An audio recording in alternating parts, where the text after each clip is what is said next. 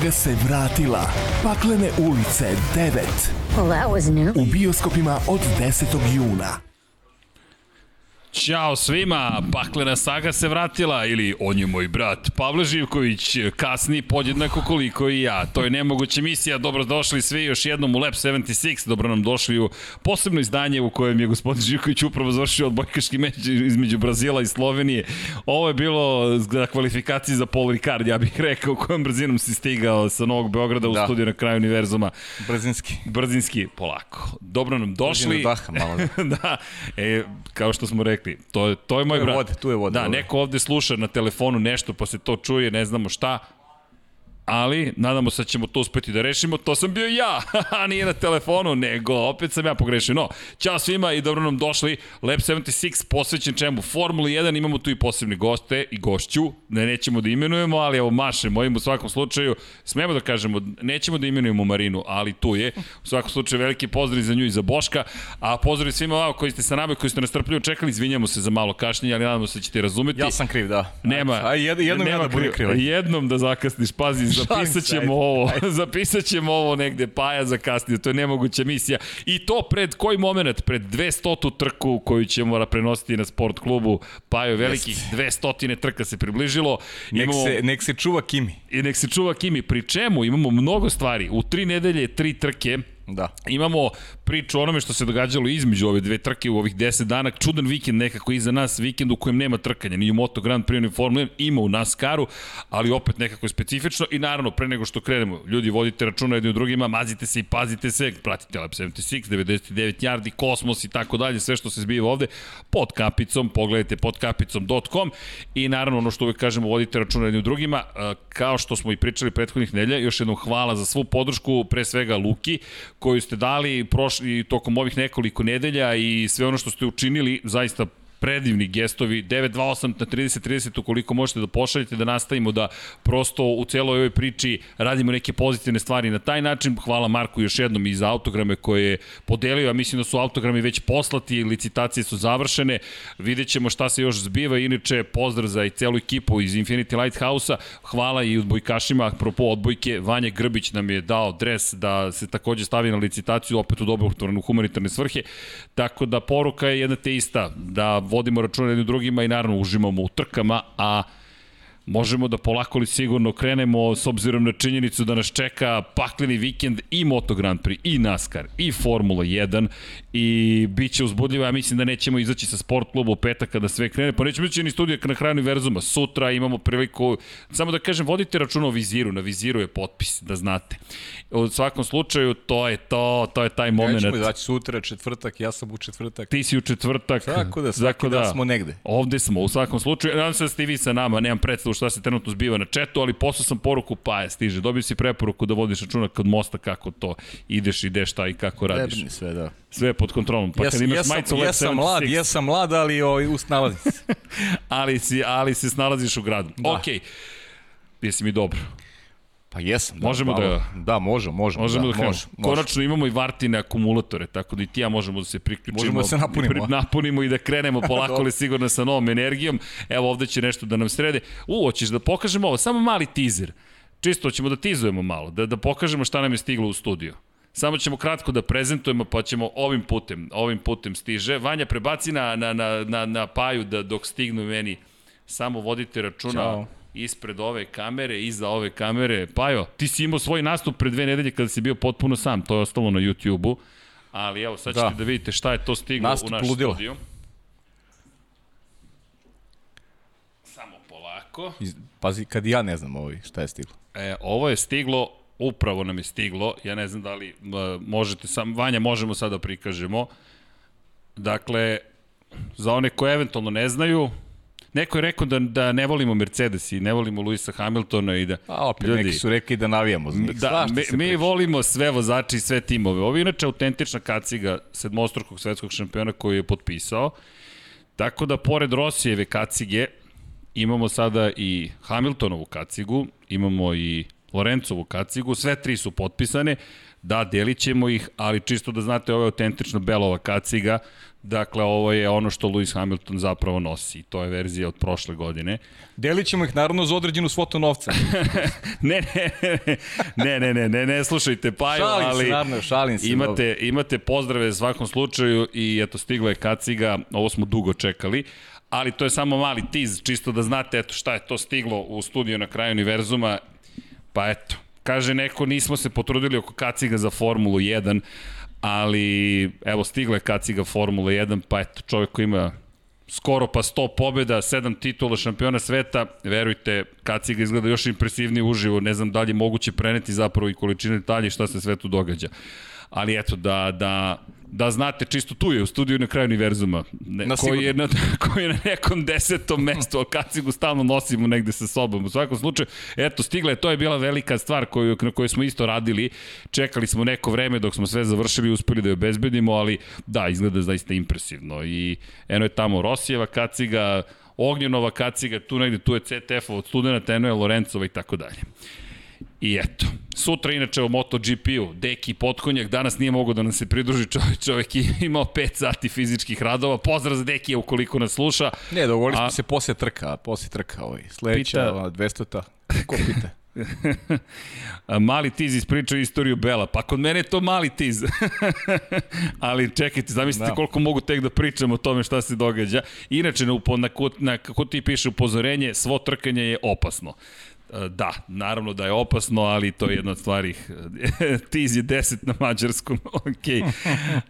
da ne očekujemo čitav bolid, pa očekujemo i čitav bolid. Imali smo i motocikl ovde, tako da ne brinite. No, da mi polako li sigurno krenemo u, šta, veliku nagradu Francuske. Ima puno vesti, Pirelli se ogla... O, Bogdan, Bogdan je bio vredan, evo ga novi poster, Lab 76 staza Paul Ricard 20. juna i moram priznati da je prelep poster i te su te boje koje možemo vidjeti na stazi. Inače u tehničkom tuktu naš dragi kolega, prijatelj i urednik Deki Potkonjak rekao ne, u ovom tehničkom kutku mora da se priča o HTTT stazi. Ko zna šta je Paul Ricard HTTT, neka se javi u chat, nije da ćemo poklonjati nešto, ali i tako dalje. Pitanje da li smo čekali tu kacigu? Čekali smo nešto vrednije od kacige. Čekali smo gospodina Živkovića koji je stizao sa prenosa odbojke koje je pratio sport klub do malo pre ne zna kako je izveo ovo čudo, ali ovo je zaista bilo čudo. U svakom slučaju, krećemo, dakle, ponovo, peti put, za, sa velikom nagradom Francuske, videli ste poster, pred nama je, pa je sedma runda ovogodišnjeg šampionata sveta. Ja imam utisak kao da je 47.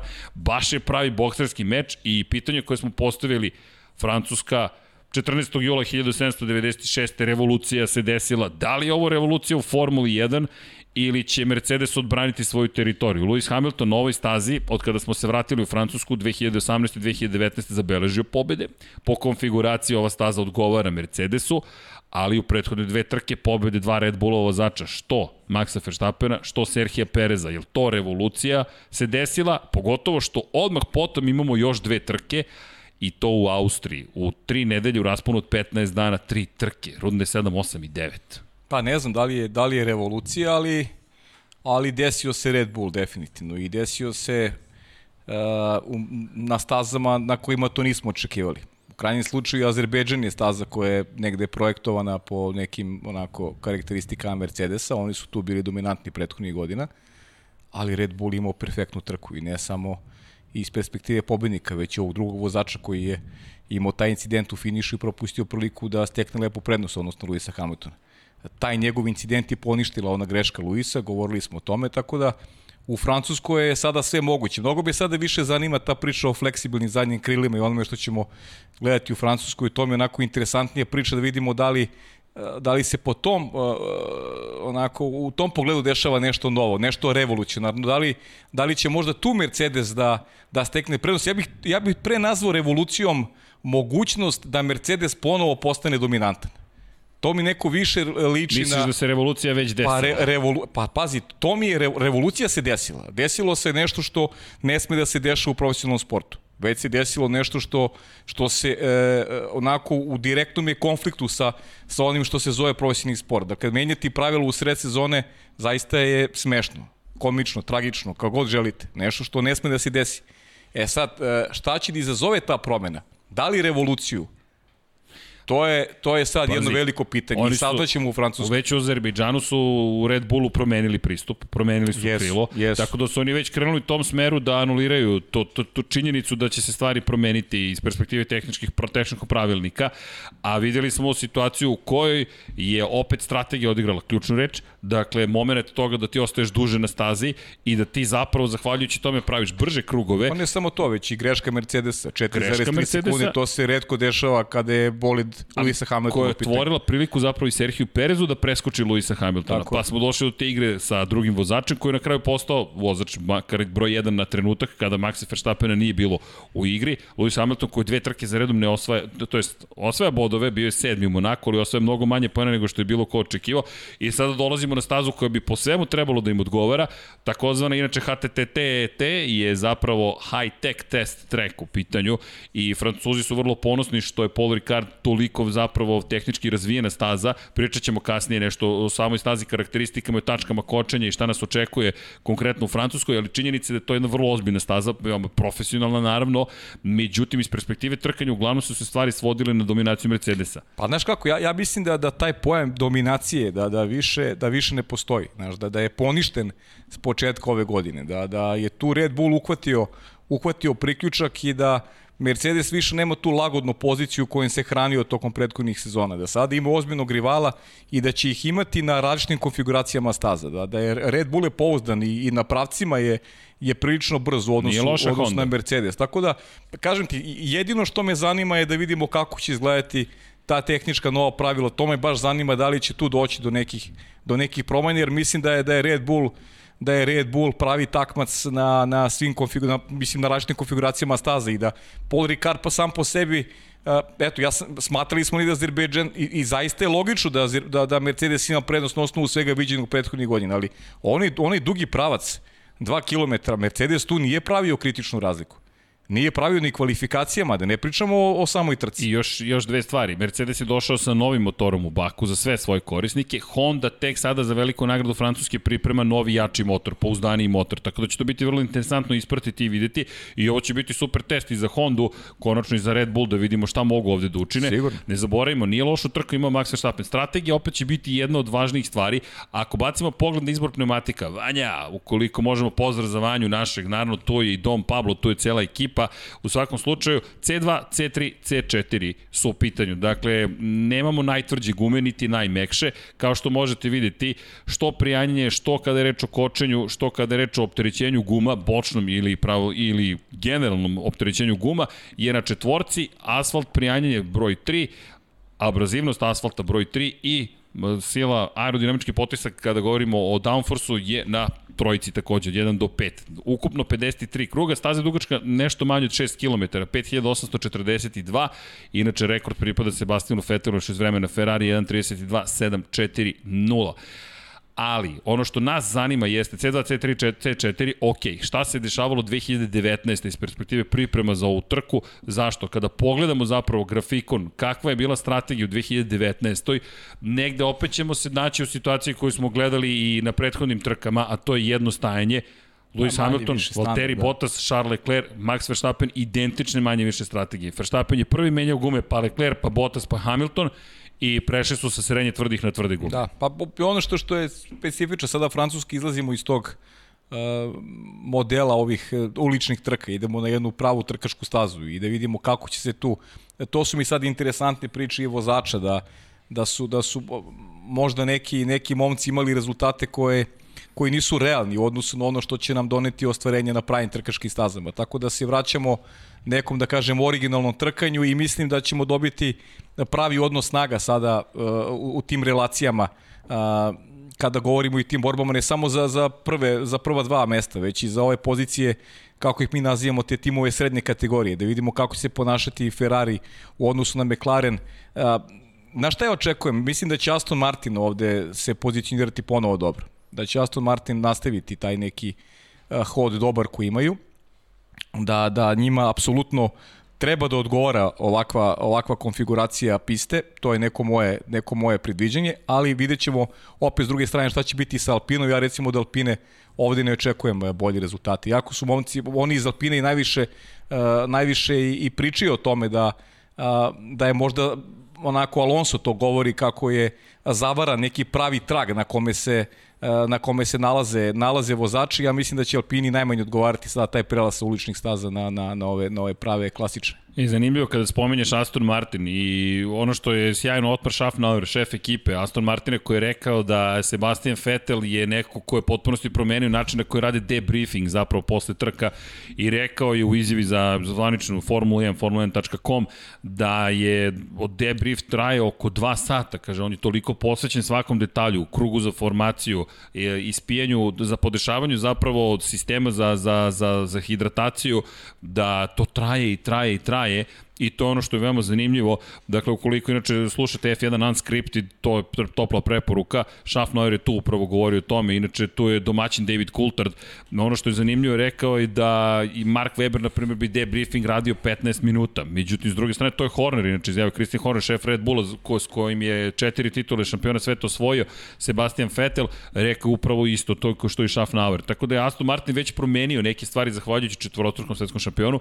Činjenica, pozicija broj 2 iz Bakua ga je vratila nekako u oko javnosti, fenomenalno je bilo videti ga u onim zelenim bojama. I morate priznati da, smo, da sam nek, imao neki predlog kada je reč o naslovu, ali sam sve zbunio, rulet crveno ili crno i svi su mi pitali, čemu ti pričaš zapravo, Re, red kao Red Bull, red da, kao da. Ferrari i crno kao Mercedes, znaš, da, da li će biti i onda mi padne na pamet zeleno, zašto zeleno? Pa Aston Martina i kuća, Pa opet možda Eto, neki znači, francuski isto, vozač. Isto razmišljamo, znači Aston Martin vidimo kao ekipu koja je tu... Vidi to i, i, i koga bih video. Izvini, ne bih zaboravio Pjera Gaslija nikako. Pa dobro, Pjer je više, to više nije nikako iznenađenje, znaš, kad imaš u kad pričamo o nekim sportskim iznenađenjima, Pierre Gasly je, kad ga vidiš na podijumu, kažeš ok, to je, Franz to, je to. Tost, da. šef Alfa Tauri rekao, on je jedan od najboljih trenutno u Formuli 1. Pa sad se onako obistinjuju te, te reči. Pazi, Franz Tost nikad nije bio tako optimista kao pre početak ove sezone. On je jedan umeren čovek i i zaista se ne bavi tim onako spektakularnim najavama, zna ovako gde je mesto i njegove ekipi, ali očigledno da je zadovoljan performansama. Bolida bio još u tim predsezonskim testiranjima i zaista je dao onako neke izjave koji nisu tipične za njega. I evo polako počinje to da se obistinjuje, ja verujem da ćemo Pjera Gasly gledati iznova na podijumu.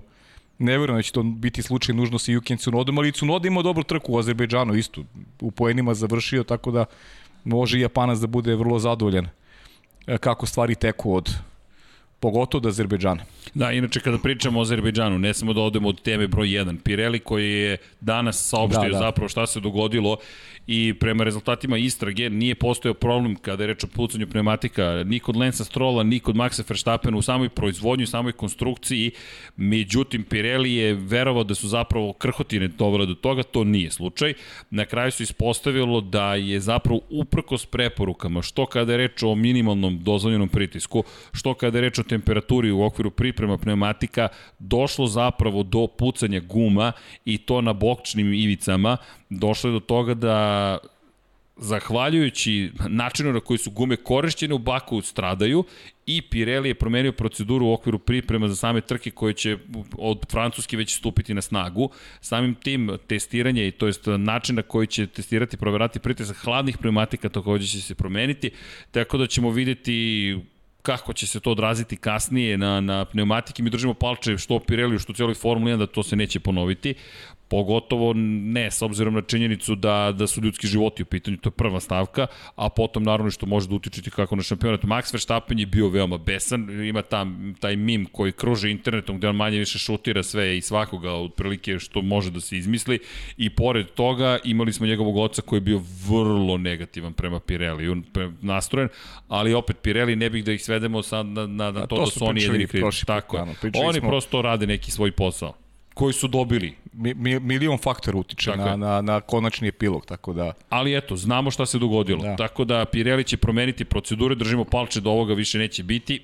Čujte, neće biti, to znači neće biti još neko vreme, a onda će se pa, opet pa, naravno, nešto promeniti, da. pa ćemo opet tražiti granicu, pa ćemo opet otići Rekli na neku drugu stranu. stavka i Pirelli se ponaša prema zahtevima timova i Jest. to je to. Jeste. Ono što nedostaje Formuli 1 i opet to su sad neki ti, neka ta stara vremena, bilo bi lepo da imamo takmičenje i kada govorimo o proizvođačima pneumatika takođe, da svaka ekipa možda izabere ovaj, kog e, proizvođača će da, da koristi, s kim će da sarađuje, a da ne bude Pirelli, da nema tapiju na Formuli 1, ali opet to su sad neka druga pitanja. A To je... Apsolvirali smo i te Da, teme odavno, šira prosto, priča. da, prosto ovaj, nije adekvatna moment u kome se nalazimo, definitivno. Da. Ali ono što jeste vrlo zanimljivo jeste iz te perspektive upravo priprema za trke koje su pred nama i rekli smo u tri nedelje mi imamo tri trke i to će biti fenomenalno. Ako pogledamo šest trka smo imali od početka sezone, mi ćemo sada spakovati u 15 dana polovinu onoga što smo već do sada videli. Meni to paja nestvarno da ćemo mi u roku od nekih 17 dana, 18 dana Pa, iskreno ti kažem, govoriti o devet trka. Da, bolje i sada nego kao prošle, prošle godine na početku sezone. Ok, to jeste. Sad su Više već... mi se sviđa sada jer, jer je a moment sezone toliko dramatičan da verujem da se svi zajedno radujemo što imamo taj trostruki vikend i i što će ovo biti pravi test i za timove i za vozače, jer, jer mi posle devete trke ćemo već imati jasne naznake da li je ta borba, da li je ta borba ravnopravna, što ja verujem da jeste, ili će se neko odvojiti ove tri trke, ne zaboravim, idemo u Austriju gde, gde Red Bull na domaćoj pisti i tekako može da, da onako zada jedan onako lep udarac Mercedesu, a Francusku ja ih kažem ti ne otpisujem, mislim da, da, da se borba odvija, borba se odvija u svim pravcima, a ono što je primetno osjeća se i pritisak. Pritisak koji osjeća Lewis Hamilton, to je Azerbejdžan jasno stavio do znanja, dakle Lewis Hamilton je pod velikim pritiskom i mislim da ga niko nije stavio pod takav pritisak još od Nika Rosberga. Nisam siguran koliko je i tada osjećao pritisak ovakve vrste, ili verujem da je od početka verovao da će pobediti Nika Rosberg. I to isto bio jedan od predloga naslova, pritisak, pritisak u gumama, pritisak na vozačima, pritisak na timovima. Ako pogledaš, svi su pod pritiskom, bukvalno pritisak je sa svih strana, a imaš tri, tri vikenda u kojima će se testirati šta?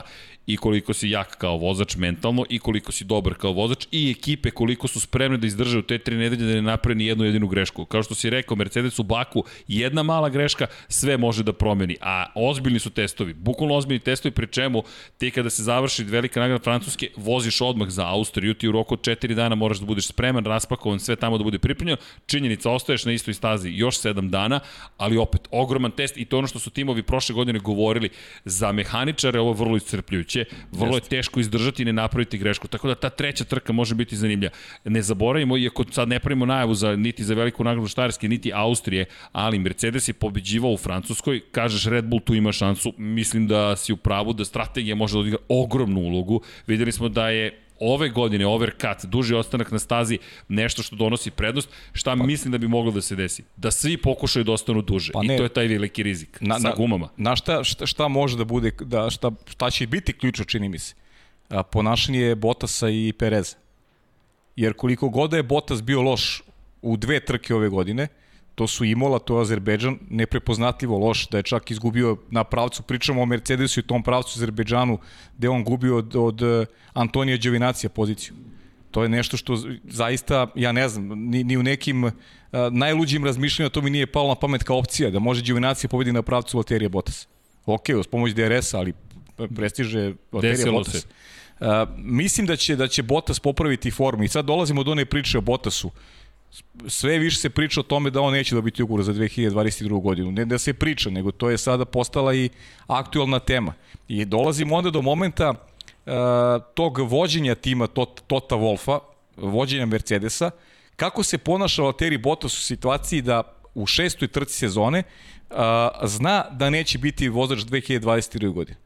Da li on pokazuje dovoljnu spremnost da, da sarađuje sa ekipom i sa Lewisom Hamiltonom, ili Mercedesu je neophodno neko ko će raditi posao za, za, za ekipu. Znaš, to je sad jedna vrlo škakljiva tema kada pričamo o Mercedesu, nekom unutrašnjem stanju ekipe, nekoj koheziji koja je ranije godina bila onako a, apsolutno jasno izražena kroz, kroz podelu tih pozicija vozača 1 i 2, jer a, ako je ta informacija tačna da Valtteri Bottas ne ostaje u ekipi, pitanje je njegovog učešća i njegovog prisustva je onako vrlo, vrlo diskutabilno i rekao bih je problematično.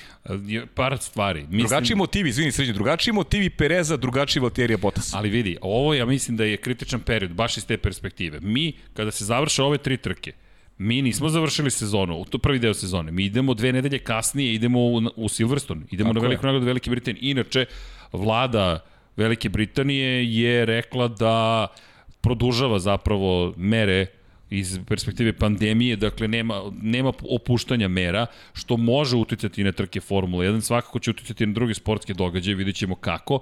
Mi očekujemo ipak da ono što se već prošle godine dešavalo u Silverstonu, da je dovoljno dobra priprema da Formula 1 bez većih problema zapravo doputuje u Veliku Britaniju da se trka održi. Međutim, 18. jula je ta važna, veoma važna trka, ko, zašto? Pa opet idemo na dom idemo u dom Luisa Hamiltona i potom završamo prvi deo sezone na velikoj nagradi Mađarske, koja bi mogla da odgovara što Ferrari, što je Red Bullu. I onda idu četiri nedelje pauze. Dakle, mi imamo runde 7, 8, 9, 10 i 11 u narednih mesec i po.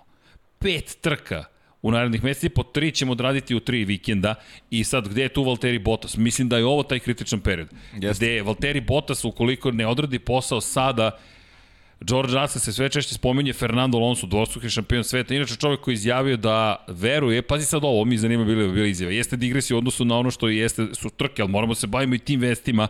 Rekao je... Moramo se bavimo digresijom. Tak, tako je, pa kako ćemo bez digresije. Kaže, 2021. druge, treće i četvrte, ukoliko postignemo dobre rezultate, mi možemo biti zadovoljni.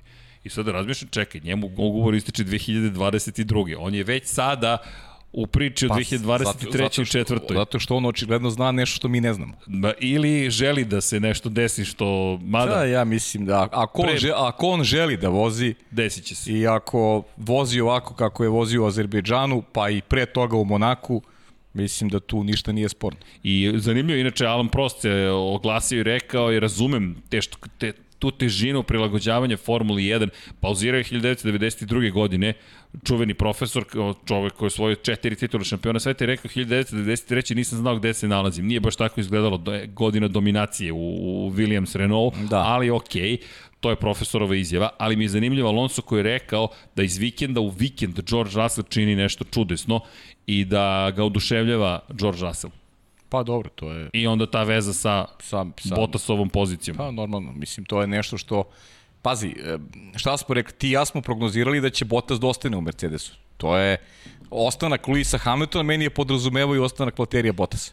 Ali očigledno, kad pogledaš ove dve trke, kad pogledaš Azerbejdžan, kad pogledaš Imulu, I kad vidiš kako napreduje Perez, pa u Mercedesu sa svesni, pa, pazi u Francuskoj koji je njihova staza, Perez bolje od Bottasa. Opcija više za, za Red Bull opcija više opet na stazi koja je Mercedesova da oni taktički pobede Mercedes. Jer, jer to, je sad ta prevaga koju Perez može da donese A pazi, e, Perez Red Bull. sada ima pobedu, sve sigurno pa ima polet, pa ima taj polet, ima ima taj ima Preuzeo taj i treće mesto u šampionatu pa kako sveta. ne, ima ima sve, ima taj momentum, ne znam kako se ono na na Pa momentum, moment, ok, možemo. Inerciju ima u svakom ima slučaju. Inerciju, ima bravo, ima inerciju, ima nešto. Ima, ima, ima sve što mu treba da bude dobar u Francuskoj. Ali mora da primi jednu digresiju. Molim, Molim te. Pa čekaj. Ima razlog, čovjek koga ti ja volimo i poštujemo se oglasio. Dobro večer, momci, slušam vas sada baš na Lab 76 u gumama. Imam tu neki komentar, ako imate sredstva, mogu da se priključim preko Zuma da dodam komentare. Znaš ko je? E, mogu da pretpostavim. Jel, Boži. Jel Boži? Boži, jeste. jeste Boži. A Vanja, hoćemo da probamo? Može, Boži šalji link, Boži preko Zuma, Boži će da uskoči. Boži koji imao, fe, ja Boži koji imao sad jedan ludi vikend. Boži fotografije, zapratite Božija Tatarevića na Twitteru, na Instagramu i onda uživajte u svemu što se događa iza kulisa moment kada se vozika tamo kroz garaže, a vuku IndyCar bolid pokraj njega. Boži je legenda. Inače, pogledajte specijal koji smo imali sa Božijem. Nismo zaboravili Božija. Božija, ne da nismo Samo zaboravili, nego sa Božijem smo redovno na vezi. Boži, Boži je car. Inače, Omki Bist kaže pozdrav ljudine. Pozdrav ljudino. Inače, donirao je čovek 25 kuna, tako da još hvala, veći, 25 hvala. puta veći pozdrav. Ali šalno strano, e da, Lajkujte ljudi video, pa molim Ajde, vas. moguće. Ajde ja što sam zaboravio, ja sam ovaj danas sam ometen u razvoju. Ali ti ne znam šta je s tobom. pa vidi, o, toliko sam se obradovao kad sam te vidio. A, to, a, dosta da. dugo, od prošlog utorka te pa, nisam video. A, tako, Nisi svestan? Da, jeste. Nisam ja navikao na vikende bez dana, tebe. Da. 7 dana, ne, nemoguće misije. Ti razumeš da to se ne kapiram, događa. Da, kapiram, da, jeste. Jest. Pazi, vikend... Pa zato smo sad vikendaši. Znaš, sećaš onog filma Vikend s Barnijem? Sećam se kako e, ne. sad, vikend Sećam se. bez paje u mom slučaju. Znaš, to je šokantno kao šta se desilo, vikend bez paje. Ali da, i sad nam stiže 200 ta trka. O, čekaj, Pavle, pa to moramo da... Morat ćemo M sledećeg. 76 broj 100 nismo odradili. M treba 200. Ne, ali u da utorak, prostimo. utorak nešto moramo. I evo, poručujem i 91. Znam, Ima, znam. ima obavezu, ima obavezu Deki u utorak da bude ovde. I 99. Mora napravimo neku, ne, neku, neku feštu ovde utorak. Deki. Deki mora bude s Mora nama bude za taj nama. 200 da, da, mora. Fešta, zna, dakle, mora da bude. Mora bude neka I fešta. radimo Lab 76 200. Da, E, imamo ovde pitanje, Marina kaže, gde je broj 76? Dobro, Marina, čemu, čemu, čemu, čemu, čemu ta lucidnost sad u ovoj situaciji, ne razumem. eto, primiš Ali nekog dobro. gosta i on, I, i, i on ti on tako. ti pita gde je broj 76? Pa na majici. Ali, gošća došla s majicom. Jeste, Jao, vidi ovo, Pajo. Čekaj, Kaži. ja se nadam da se zabavljate, to jeste pojenta cijela priče, mi uživamo u automotosportu, pa uživamo. Vanja, daj one fotografije, molim te, od prethodnog četvrtka. Čekaj, Paja nam je opet zaglavio bio u kabini, ali... Vidi ovo. Pa pozdrav za cijelu ekipu. Pogledaj koliko ljudi je došlo. Da, mnogo mi je žao, ja sam se javio, ne znam, opet sam radio neku, šta sam radio, neku odbojku. Ne znam šta si radio, ali ko ti dade dozvolu je pitanje koje je postavljeno dole desno. Ljudi, mi smo se lepo zabavili. Paklen ulici 9 bila pred premijera. Naočar, ne vredi. Da vidiš, i došli ljudi u majicama Lab 76 i Da, sjajno. moj šok. Stojiš i gledaš majicu i kao, "Ki, čekaj, to je, to, to je ta situacija. Tako da je bilo super. Biće još ovakvih stvari, organizovat ćemo. Bio je tu gospodin Đankić. A, poznat mi taj Da, čovjek. po, inače, saopštio je da smo... A vidi boje, plavo i crveno, znaš, ipak dolazi Francuska. O, deluje ko naranđasto, ali dobro. A da, nešto tu malo A, sad boje je crveno, sad je crveno. A to su ti ti, znaš, to, Da. to, to, to nije, nije snimak iz studija na kraju univerzuma. Evo, pogledaj Đankića, molim te. Paklene ulici 9, u R8-ici, gospodin Đankić. Božidar, sad sam se, sad se, na o, aha, poslao nam je Boži negde, na Vibericu. A, pogledaj, zna se ko vozi Paklene ulice. A, normalno. Ovo je broj 200. Paklene ulice broj 200. 200 iz, 200 iz mesta. Paklenici 200. A, toliko dugo su vozili paklenici da je čak i Vin Dieselu porasla kosa ponovo. U svakom slučaju, O, da, Zar on i uvijek imao kosu? Ne znam. E, pogledaj da k- konektuju ovaj gospodina. Sad ćemo da konektujemo gospodina, Gospodina. Božija. Čekaj, sad ćemo da uključimo. Ima nešto da kaže na konto tema. Dobro, na konto guma, je li tako? Na konto guma, da, da, da. Copy, na konto link. guma. Vanja, šaljem ti kroz Slack. Poslao si mu, a o, Vanja, Vanja, Vanja A je... gde je Vanja? Pa mislim, Vanja, da. brzinom munje, mi nema potrebe ništa ni da radimo. Ništa, Vanja, ti, sad, ti ćeš broj 200 da vodiš, realizuješ, pišeš, pripremaš i sve ostalo. Ja razmišljam da dam da u četvrtak je vodi pod kapicom, da ne dolazim uopšte. Umesto Marine. Ma umesto, umesto i mene i Marine, sam da vodi. Dobro, Vanja ovde Može lep, sve, lep čovjek. čovjek. Može sve, može. Inače vidim neki komentar na film. Ljudi, film je inspirativan. Pogledajte ga, mi smo se silno znamo odušili u svemir. Mi smo se čekaj, Lab 76 treba bude ovde pa prijatelji filma ili treba bude Kosmos 76. Ali vidi, Pajo, imam ideja za scenariju. Mogu da li svoj telefon, izvini? E, pa naravno, izvini. Hvala ti, divan Ti znaš kako to ide sa novinarima, daš im Hvala, olovku i da. ostaneš bez olovke. Pa, klasika. Ali, kaže, evo, podcast do 1.00. Mateo Lovrić, maneken, koju? Vin Diesel ili, ili ja? Ma ne, to je, to je slučajno. I To su mi tražili od mene. Ja ne volim kamere uopšte. I tako. A Jason Statham se ne pojavljuje u ovome, ali će se pojaviti. U sledećem. Teaser je bio kao ja sa kacigom, evo teasing. U prednosti si, nisam gledao film. tako. Idemo zajedno. Idemo, dobro. Evo, premijera je u četvrtak. Ovo je bila Aha. predpremijera. Ne, ne. Molim te, kadar paju. dobro. I tako. Uh, Mateo, šalim se, zna se ko je manekin, pa molim se, nećemo se poredimo. Ali, i može li pozdrav za... Ni, a, mo, može pozdrav... E, ali čekajte, sad sam malo ako s tramputicom otišao, imam jedno pitanje, neko je nešto zamolio, Dom Pablo mi je slao danas informacije, opet neka informacija.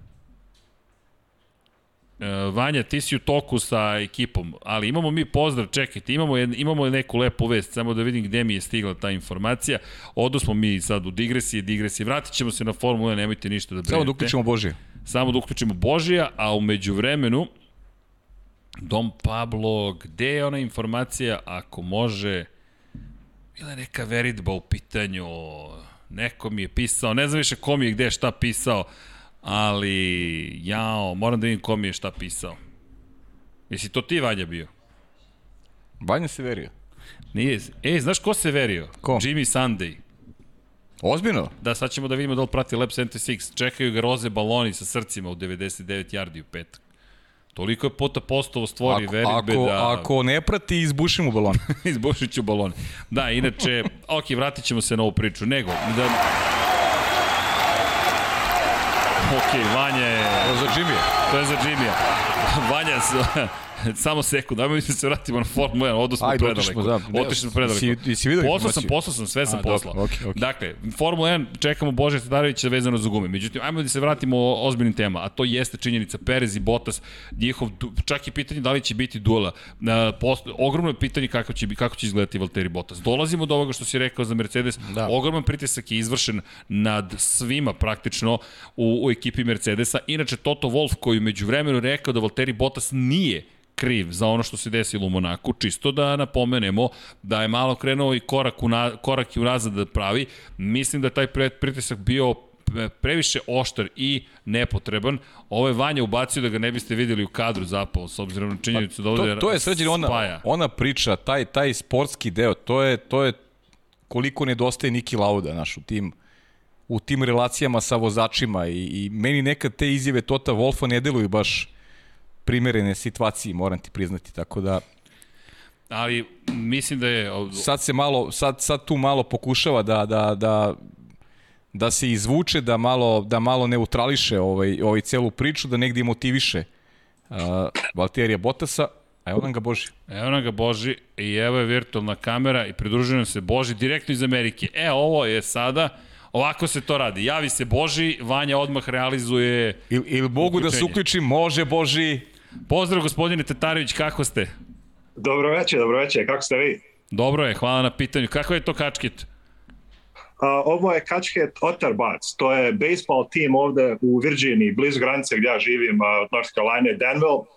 A, oni su, otter je, ne znam kako se na, na, na našem kaže životinja, ali to je ona morska životinja i ovde ovi mali baseball timovi uvijek imaju neke čudne te maskote i uvijek ovi su oteri, ali kao roboti. I povezao sam se sa njima, a imamo neke veze zato što imam ja isto marku neku kao oko robota i imam sad neke njihove robe i tako stvari, ja, ja volim kačkijete, tako uvijek i- ispane nešto interesantno. Lepo, Boži. A, to su vidre inače. Vidre, E. vidre, da, vidre. Vidre.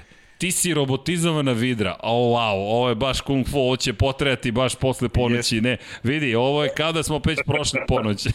A Boži, pisao si, pisao si ovo za gume, da imaš neku observaciju vezano za gume, pa ajde te čujemo ovaj, šta si Bio sam- tak... Kaži. Bio, bio, bio, sam, bio sam u takim a, kombinacijama, eto da kažem, gdje su gume pucale, gdje su bilo neki problemi sa gumama, sa, a, sa raznim markama. Radio sam, onaj, u EMZA sam radio sa Michelin gumama, ovaj, SRO sam radio sa Pirelli. I uvijek ima neka baš procedura što se tiče proizvođača, pogotovo ako ima samo jedan proizvođač za seriju. I uvijek prvi odgovor je debris, znači da je nešto vanjsko se desilo. To je ne veze šta se desilo, Krhotin, to je da. Krhotin, da. prvi odgovor.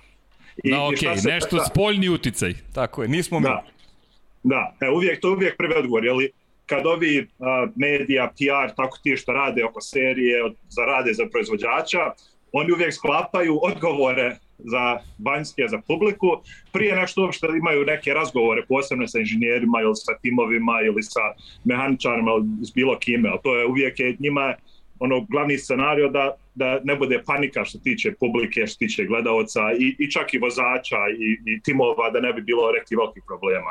I dosta puta, iako možda ima nešto što proizvođači nađu da im se ne sviđa, on će opet ipak da manje, naprave da manje izgleda, da, da ne izgleda toliko nešto ozbiljno koliko misle.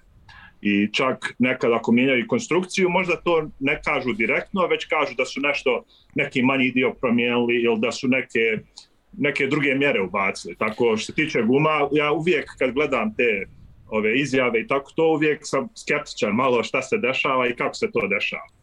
A isto Aj. tako, Izvini, jedno pitanje. Ajmo da, da pojasnimo dve stvari. Na primjer, ukoliko spustiš pritisak u gumama ispod onoga što je minimalni preporučeni pritisak, šta ti dobiješ time kada je niži pritisak u pneumaticima? da ako spustiš pritisak da je niži, a, recimo ti imaš određen pritisak na koja guma krene. E onda kako voziš, ona frikcija od te gume, tebi se pritisak diže. E sad, na nekim stazama bolje je da imaš manji pritisak. Sad recimo, za primjer, samo recimo, tvoj cilj da je pritisak te da bude 30. I sad ti izračunaš da moraš krenuti sa 30 PSI ovde povedemo sad. Naravno, naravno. I, i ti izračunaš da, da moraš da kreneš sa 19 od 20, tako ta frikcija kad zagrije, ona će doći do 30. A recimo sad proizvođač dođe i kaže za sigurnost mora biti 22. I ti onda znaš ako kreneš sa 22, da ćeš otići preko te 30, guma će ti biti veći pritisak, znači manje će ti gume dirat stazu i zbog toga nećeš, nećeš, nećeš biti najbrži. I onda ti možda, ako imaš određenu sumu, ti možda odeš ispod toga, iako proizvođač kaže da ne bi trebao odeš ispod toga. I tako, tako je bilo isto uh, sa camber, to je znači, ne znam kako se na našem kanalu, Ugao, camber je nagib. ugao, uh -huh. ja, ja. E, to mi smo imali Watkins Glen, kad sam radio na Honda TCR, mi smo imali, gume su pucale i a, Michelin je rekao ovo, ovaj pritisak mora biti ovaj ugao Cambera i to su minimum. I to su oni preporučili tada, nisu stavili znači da je Nije direktiva. Onaj, ali su preporučili. I mi smo imali a, tri Honda Civic Type R TCR i imali smo dvije što su bili više agresivni na u tom uglu a ovaj auto na kojem sam radio, mi smo malo povukli nazad, da, da, bude, da ne bude toliko agresivno da, zbog sigurnosti. I šta se desilo, ova druga dva auta, njima su gume pukle, nama je guma izdržala do kraja trke i mi smo uspjeli da pobjedimo tako. I to je, znači, ima, ima tu dosta utiska. A što se tiče guma, a, generalno, kad skontaš koliko se guma proizvodi, nekad se samo dese stvari. Znači, kad razmišljaš, to su hiljade i hiljade guma što se proizvode. I ako ti uzmeš da ima samo jedan procenat da nešto se desi u produkciji ili tako to, koliko malo se dešava da gume pucaju ili da imaju neki problemi, ovaj nije toliko često, znači no, no, nije neki sad veliki problem i ako je možda nešto malo do konstrukcije ili do proizvodnje, nije razlog za paniku. To je moj pogled makar.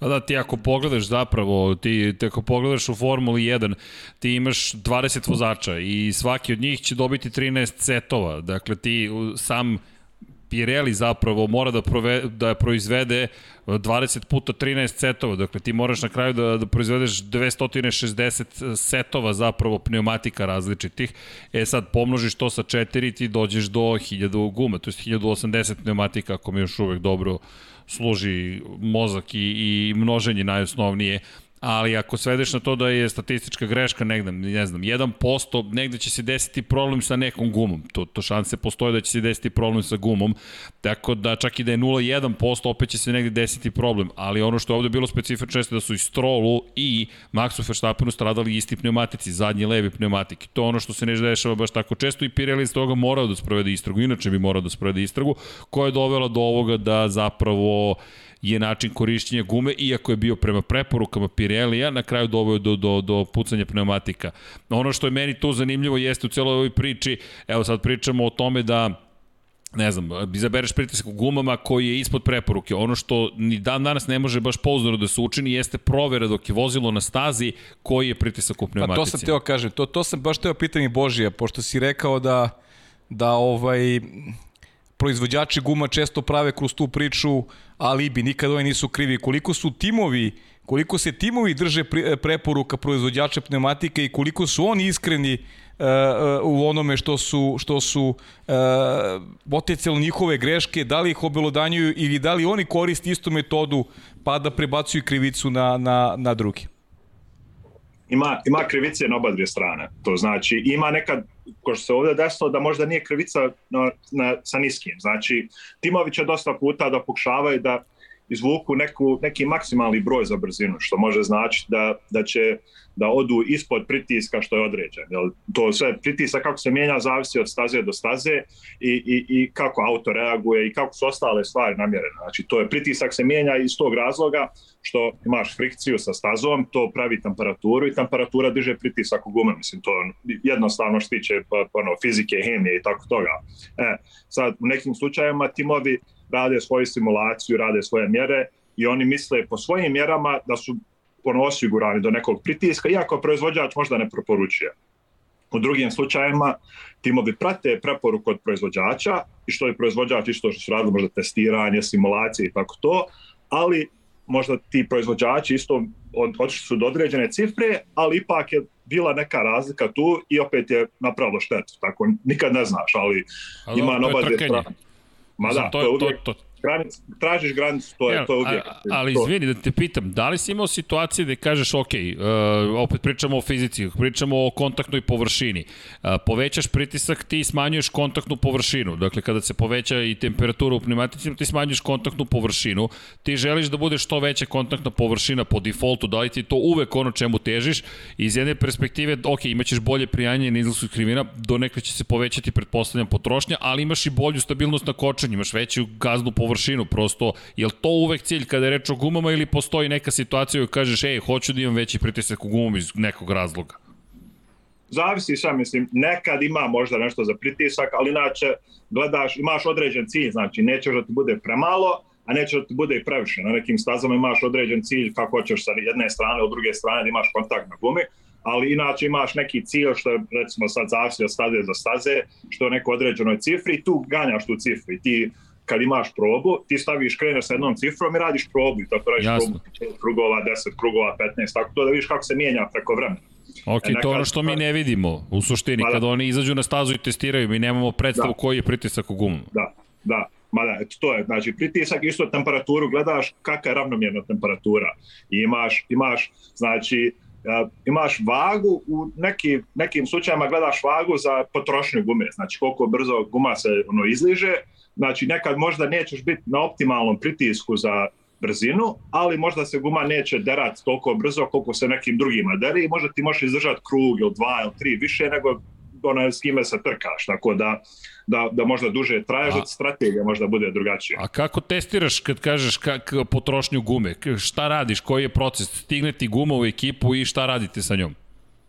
Pa inače, pa, kada gumu uzmeš, recimo kod nas u IMSA Štićevi GT3 vrsta auta, mi imamo probe i znamo, imamo istoriju, generalno ako smo išli prije na neku stazu, otprilike koliko treba trajati. I onda radimo probu i stavimo set guma i vozimo toliko krugova i onda još možda 3, 4, 5, 10 krugova ekstra da vidimo koliko će se potrošiti. I onda da gledamo potrošnju, skinemo gume sa auta, stavimo nove, imamo ovaj što je tehničar za gume, on uzme, a, uzme plamen i očisti gume, oguli ih i onda mjeri dubinu na nekoliko mjesta na gumama da vidi kolika je razlika onaj, prema koliko su duboke kad su nove. Onda prema tome zna koliko je izlizano i po procentu može reći inženjeru da inženjer izračuna da li se isplati da se ide toliko krugova ili malo manje i da se nađe ta razlika. To je to bukvalno potrošnja. A jel pratite ono vizualno cold tear, hot tear i tako dalje, da vidite da, Da, li da. je bila preniska temperatura ili pošto to koliko znam. Da. vizualno možeš da vidiš na osnovu načina na koji se pocepala guma, da li je bila hladna guma ili da li je bila pregrena guma.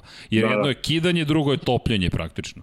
Da, da, imaju ti senzori, a, zavisno od vrste auta i, i ona regulacija, ali imaju ti senzori gdje a, imaju, neki imaju ugrađeni što gledaju direktno na gumu, recimo tri senzora i gleda vanjska sredina i unutrašnja strana gume. Ok. A, kod nas je inače se mjeri, a, sa, imamo, imamo te senzore neke, ali isto dosta serija se mjeri sa manualno sa iglama. Znači imaš aparat za temperaturu i tokom probe vozač uleti unutra onaj u pec i neko od nas mehaničara preskoči preko zida i ubode iglom na tri mjesta, znači senzor za tu iglu, na tri mjesta gumu samo takne i ono izmjeri temperaturu i prema tome se, recimo to se koristi da računaš taj ugao camber ili a. Casper ili to, te neke mjere što se tiče kako se guma ona upire.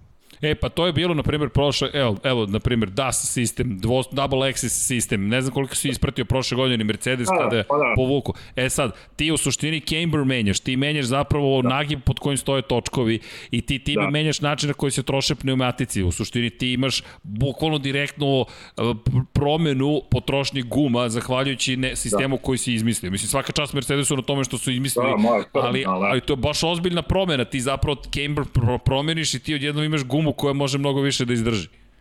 Da, da, to, to, je- to je, a, kako je to bio taj sistem Mercedesa, pametan je što mijenjaš potrošnju, a isto je mijenjaš kontrolu auta, znači taj sistem kako može da mjera camber i čak i to kako može malo da mijenja, znači mijenjaš potrošnju i kako auto kontroliše što tiče pravca i uga. Znači ti ako promijeniš camber ili tow, u pravcu, možeš da ubrzaš auto u pravcu, a ako ga promijeniš prije nego što ulaziš u skretanje u, onaj, u, onaj, U u krivinu. Krivinu, da, možeš onda da, da, da jače uđeš u krivinu. Stabilnost da povećavaš. budeš, I stabilnije budeš, znači brži budeš. Znači, to je Da, baš ok, ono, dobiješ optimalni automobil Da. na pravcu i Camber si ispravio, to si promenio, Da. ideš još Da. bolje, pri čemu, e, evo tu na primjer može da ti posluži, kada si već izašao na pravac, tu možeš da smanjiš otpor, promeniš, zapravo smanjiš gaznu površinu prednjeg pneumatike, Da. ti sad imaš manji otpor prilikom kotrljanja i, i, i rolling resistance takozvani i ti dobiješ veću maksimalnu brzinu. I još smanjiš potrošnju guma, a na kočanju povećaš gaznu površinu, vratiš temperaturu i stabilnije skrećeš.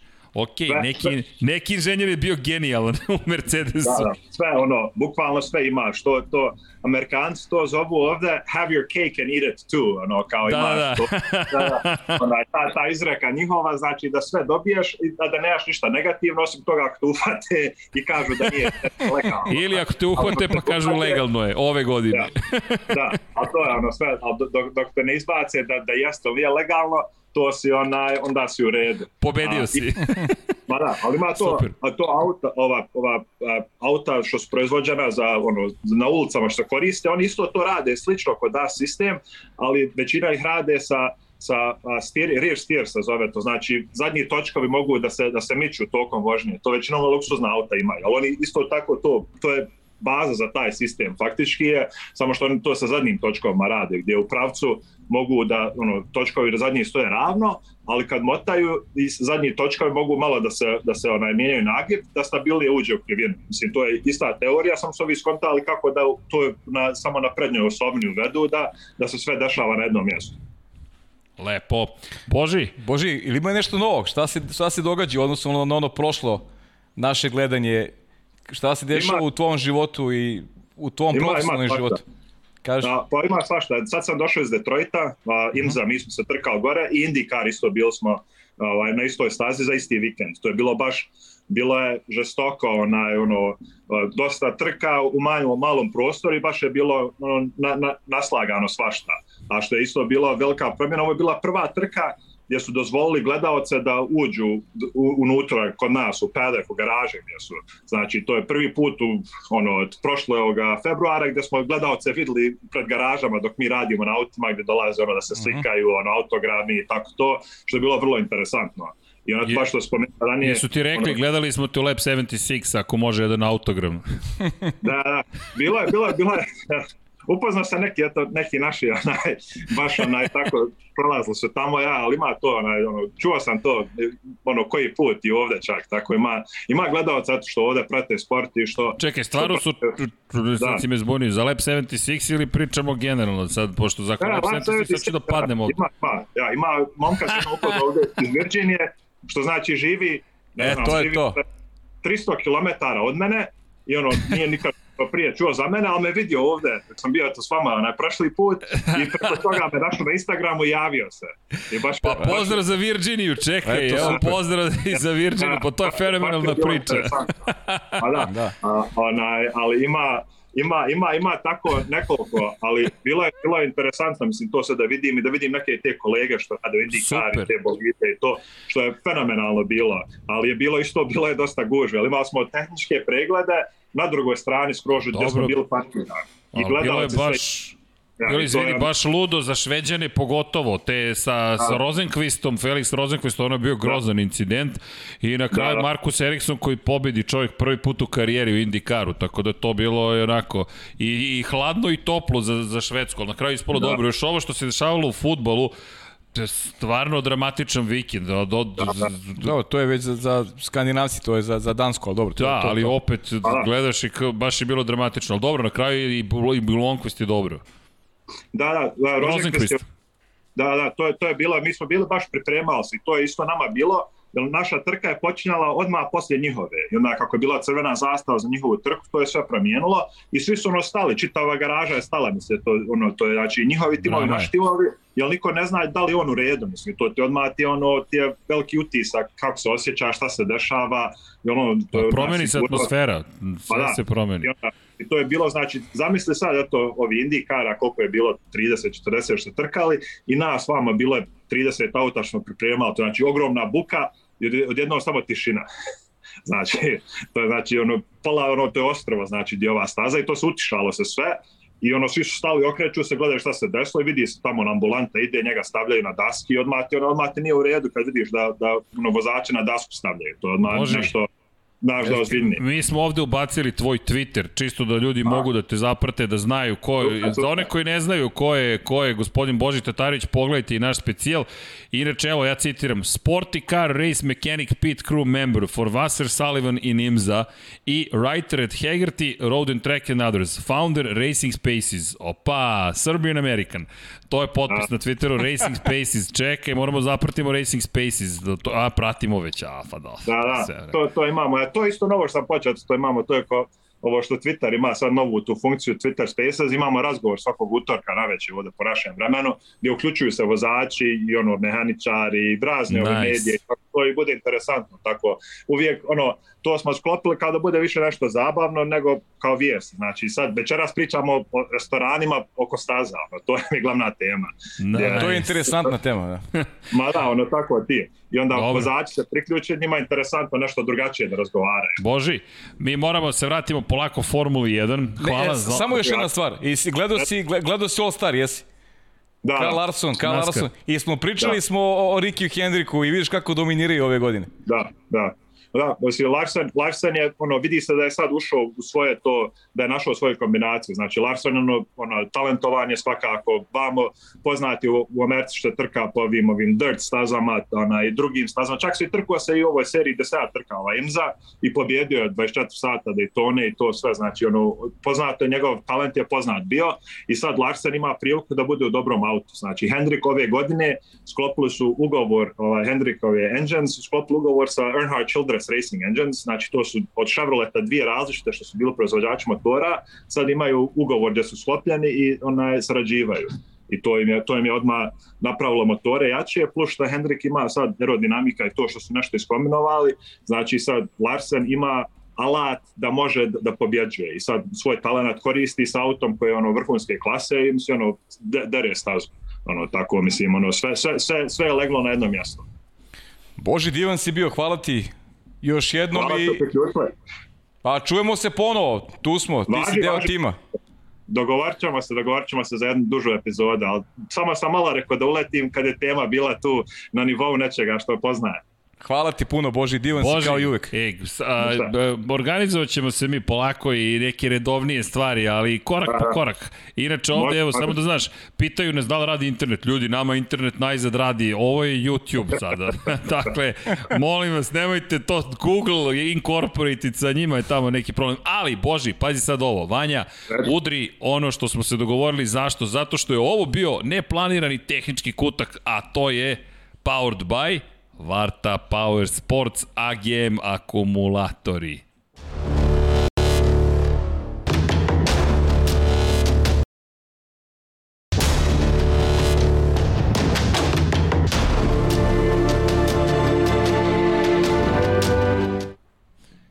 Ovo je inače bio Boži Tatarević, još jednom ispade ovo tehnički kutak, otkrenuo sam od guma, pa eto dodatne informacije šta, gde, ko, kako. Inače, od prošlog nedelje zapravo, Varta nam je jedan od sponzora, danas smo se dopisivali sa damom koja predstavlja Vartu, kaže, vidim da ste sentimentalni, jesmo sentimentalni, pričali smo o baterijama, da se ne ponavljamo, ali neke stvari moramo da napomenemo kada je reč o onima koji slušaju podcast, dakle, Absorbent Glass Mat, Initi AGM, to je stupijuća staklena vuna tehnologija, za one koji voze motore, ljudi, ovo su motociklistički pre svega akumulatori, u MotoGP-u ćemo tek pričati o njima, ono što je super kod ovih konkretno akumulatora jeste što možete da ih instalirate i pod uglom do 9 45 stepeni i nema potrebe za održavanjem, inače visoka otpornost na vibracije, tako da, ovo je onaj sistem koji možete da koristite kod, kod sistema koji se koriste za stani kreni često, dakle ono što je super jeste zapravo, u, je činjenica zapravo da su to suvo napunjeni akumulatori i isporučeni su u takozvani fresh pack verziji, tako da, imate opciju da podržite Lab 76 tako što udarete like, pa malo posetite Vartu, pa malo kažete idemo u bioskop i tako dalje. Čekaj, komercijalizacija je svega, u puno da. tog. E, ali sad, A malo čujete Božija i ovo je bilo lepo, a, zaista. a, Ivan, a Ivan mi pokazuje ovako. Šta? Ovako. Ljudi, posetite infinitylighthouse.com kroz shop, kupite majice, evo imamo damu koja nas je podržala, hvala, i koja nam se pojavila u studiju večeras kao gošća posebna, zajedno sa gospodinom koji je već bio više puta gost, tako da sad ne znam, to je serijski On gost. nije, nije gost više. Nije gost više, tako je, tako da je zapravo ovde u domaćoj ulozi, ali činjenica je takođe da nam je stigla i kaciga Luisa Hamiltona, a kada spomenjem, da, ono je bukvalno kaciga Luisa Hamiltona, potpisana, tako da znate, pričate, evo, tiz je u toliko što vidjet ćemo, pratite Lab 76 da saznate kako možete da dođete do ove kacige. Bukvalno ovo je originalno autentična belova kaciga za vozače Formule 1 koju je potpisao Lewis Hamilton. Eto. I da se vratimo mi Vraća- Lewisu pa, Hamiltonu i. Valteriju Bottasu i cijeloj toj priči. Stado smo kod Pereza, pazi, prođe sat i kusur, mi smo stigli do Pereza i Bottasa. Nije nam loš tempo, Pa dobro, lagano idemo. Dobro. Lagano. Čuli smo nešto, onako jednu stručnu Čuli smo analizu našeg dragog Božija. Boži koji to, ljudi, to je čovek koji bukvalno to radi. I Jest, ja, ja mu držim palčeve da stigne do Formule 1, to, a to, principi Ali lepo si isti. rekao, ko nije gledao, pogledajte taj specijal sa Božim i pričat ćemo ponovo s njim. Zaista pravo je zadovoljstvo pričati sa njim, imati ga kao i neko ko nam pomože i u realizaciji prenosa Naskara takođe. Jeste, to je bilo 70. izdanje, za oni koji se pitaju eventualno Da. koje, bacit ćemo i ovde. Ajde da se vratimo na, na, Da se vratimo na, mi na, na- na Pereza. Da, pa to je, Da. to je ono što smo, što smo rekli. Već ključna je ta stavka, taj, taj vozač broj 2 koji može da odigra ključnu ulogu u sezoni. Kao što je rani gota, godina Bottas radio, jeste Mercedes bio dominantan, ali setimo se te 2018. godine uloge Bottasa recimo u Monci. Kako je pomogao kako je pomogao Lewisu Hamiltonu u trenucima kada je Ferrari imao pozicije 1 i 2 na startu trke, Bottas je zaista ja, ja, ja, to je za mene najbolja Hamiltonova trka u, u aj neću reći, pa u karijeri moguće. Mo, u Mercedesu svakako. I tako ja vidim stvari. Ali pomoć koju ima Vateriju Bottasu, malo se zaboravlja. Šta je sve radio tokom trke? E, to sada e, e, dolazimo do momenta kada Perez je odradio nešto što treba da obavlja a, vozač broj 2 u Red Bull.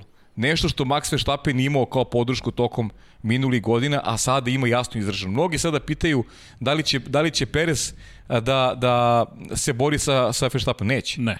Neće, to je To to, nije je plan, to ni nije cilj. plan, to je to je nešto što je nemoguća misija i i ne treba uopšte da razmišljamo u tom pravcu. Perez treba da bude Valtteri Bottas. Da li može da bude bolja verzija Valterija Bottas? Dobili smo sada, naslutili smo da je Az Azerbejdžan jedan uvod u bolje nastupe Perezove, ali ne smemo da zaborimo da je Perez i ranije godinu u Azerbejdžanu bio uspešan i da je već imao dva podijuma. Ajde vidimo sada kako će se ponašati na jednoj pravoj trkaškoj stazi, gde e, deficit u e, kvalifikacijama ne sme da se dešava kao što je bio slučaj pre Azerbejdžana. Od mora u tim kvalifikacijnim krugovima da isprati na bolji način Max Verstappen.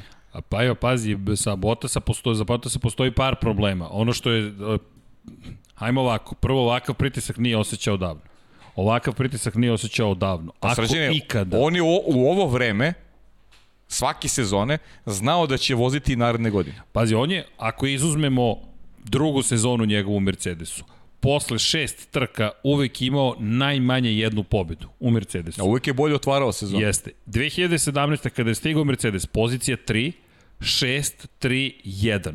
Već Rusija je došla kao četvrta trka te sezone, potom nije završio trku u Španiji, bio je četvrti u Monaku, pa dva puta drugi, pa pobjeda, drugi, treći i tako dalje. Početak 2018. osma pozicija u Australiji, drugi u Bahreinu, drugi u Kini, 14. u Azerbejdžanu, to je ono pucanje gume gdje je faktički imao pobedu u rukama, dakle imao bi u četvrtoj trci pobedu, u Španiji je bio drugi u Monaku, peti po Kanadi drugi i tako dalje. Te godine nije ni zabeležio triumf, imao je dve pol pozicije, ali bez pobede, međutim i predao onu pobedu u Rusiji Luisu Hamiltonu, bukvalno imao pobedu u rukama. Jeste. Dakle, te, Koju, koju će Luis da mu vrati jednog dana. Jed, jednog dana. A i ja zaista, ja se nadam da hoće, Ma kao na čuvena Mađarska. Znam Ne, da, ne, da, da su šanse minimalne. Neću kažem da neće, ali bilo bi zaista lepo s obzirom na činjenicu da čovjek zaista poklonio Romanti- čistu pobedu. Jesam, ali, ali bukvalno je po, poklonio pobedu. No, Valtteri Bottas 2019. Pobeda, drugo mesto, drugo mesto, pobeda, drugo mesto. To su rezultati prvih pet trka. Do Monaka koji je bio šesta trka, tek dolazi do treće pozicije i onda popušta u Kanadi gde je četvrti. 2020. otvara sezonu ponovo pobedom Valtteri Bottas, pa je drugi na isto mesto u Štajerskoj iza Luisa Hamiltona, treći u Mađarskoj, problemi u Velikoj Britaniji gde je 11. pa treći, pa treći, drugi i tako dalje. Ove godine treći, nezavršena trka, treći, treći, nezavršena trka 12. Ovo još nismo videli. Ovo, Pa, da šta, ni- nisu probe nezavršene, ta- nezavršena trka u Monaku, to zaista nije njegova krivica, on je vozi dobro u Monaku. prosto... Ali, ali ove dve ekipe. trke u Imoli i u Azerbejdžanu, tako ne može da vozi neko ko, ko ima Mercedes. Znaš, to je, Ali- to je nedopustivo. Ali pazi, to su tri treće mesta i tri nezavršene trke, suštinski. Jeste. Jer ova 12. pozicija kao, ni, jeste završena, ali kao da nisi završen. Ne, Ti ne smeš u Mercedesu budeš van na- poena. Znaš koji je, koji je level o, ove dve trke u Imoli i, i ova trka u Azerbejdžanu? To ti je Alex Albon. Alex Albon zbog takvih trka je dobio otkaz u, u ekipi Red Bulla. Nema razlike. Pa nema A, a razlike. ne zabor, a, zab, ne za, a, pritom zaboravljamo u stvari da je Alex Albon početnik bio. Alex Albon nema to, nema to iskustvo koje ima Valtteri Bottas. I nema tu mašinu koju ima Valtteri Bottas. Jer nedopustivo je za, za vozače Mercedesa da, da ima takvu trku u Azerbejdžanu. Ti si deseti u kvalifikacijama, ti ne napreduješ, ti gubiš pozicije, ti si nigde u stvari u toj trci. Nigde, ne znači sa apsolutno ništa. Da ne kažem onaj moj izraz. Da, a s druge strane Sergio Perez pobeđuje. A s druge strane Sergio Perez pobeđuje. E, ali da. pazi, nije, ja i dalje stojim pri onom naslovu. Pazi sad ovo. Sad, ok, imamo Maxa Verstappena koji vodi u šampionatu sveta 105 pojena, 4 pojena više od Luisa Hamiltona. Imamo između njih bukvalno imamo odnos pobjeda 3-2. Hamilton i dalje vodi po broju pobjeda. Kada je reč o poenima, blaga prednost, blaga prednost za Maxa Verstappena. Posle šest trka, četiri poena njih dvojicu deli. I ok, to oni su favoriti za pol poziciju. Kome će pripasti, djeluje više da je Mercedesova staza, ali da Verstappen i tekako ima šta da učini u tom brzom krugu. Zatim dolazimo do ove bitke Perez protiv Bottasa, koja je otvorena i negde ono što je najveći problem jesu kvalifikacije Serhija Pereza. Uvek se nešto desi. Uvek neko, ali, izvini, i to je Perez Ajde, ajde. sada rekao, taj džentlmenski dogovor da mnogi ne poštuju u Formuli 1, gde je Dogovor to nije pitanje pravilnika, ne postoji to pravilo. Kada izađete na stazu, pratite se u krugu za zagrevanje, nema preticanja. Rekao je, neki vozači to poštuju, neki ne. Možda bi trebalo o tome pričati, ali on je taj koji je krenuo šest i završio prvi. Međutim, Perez ne sme u kvalifikacijama to sebi dozvoli, jer to otvara ne samo priču kada je reč o Bottasu, već i o crvenima iz Maranela. Charles Leclerc, Da, na ovoj stazi mislim da neće imati mnogo šansi Charles Leclerc i Carlos Sainz, ali u kvalifikacijama ako ulete u tu bitku i tekako mogu da uteču kasnije na ono što će se dešavati sa vodećim. Ja, ja bih istakao i taj spodnji faktor, spodnji faktor koji, e, kad je Mercedes u pitanju, se zove Toto Wolff. To je taj spodnji faktor. Lako je funkcionisati u jednom idealnom sistemu u kome nemate pravog rivala. I lako je onda i sa vozačima praviti znaš, kako god da se ponašaš, ti imaš situaciju koja je nacrtana za Mercedes. E, definisani vozač 1 i 2 i ti si završio posao. E, imao si Nike Laudu, velikog šampiona, koji je bio odličan balans između vozača. Neko ko je šampion, neko ko zna stazu, neko ko zna šta je trkanje. I tu je Mercedes bio u velikoj prednosti u odnosu na rivalu. Znači, taj sportski sektor nazovi. Nisam siguran da Toto Wolff svojim izjavama i sa nekim svojim reakcijama donosi neki mir Mercedesu, naprotiv. To su ti izjave. Valtteri Bottas je kriv, loše je stao u pit lane kada je menjao pneumatike, pa sada nije kriv. Znaš, mislim da tu pomalo Toto a, gubi konce.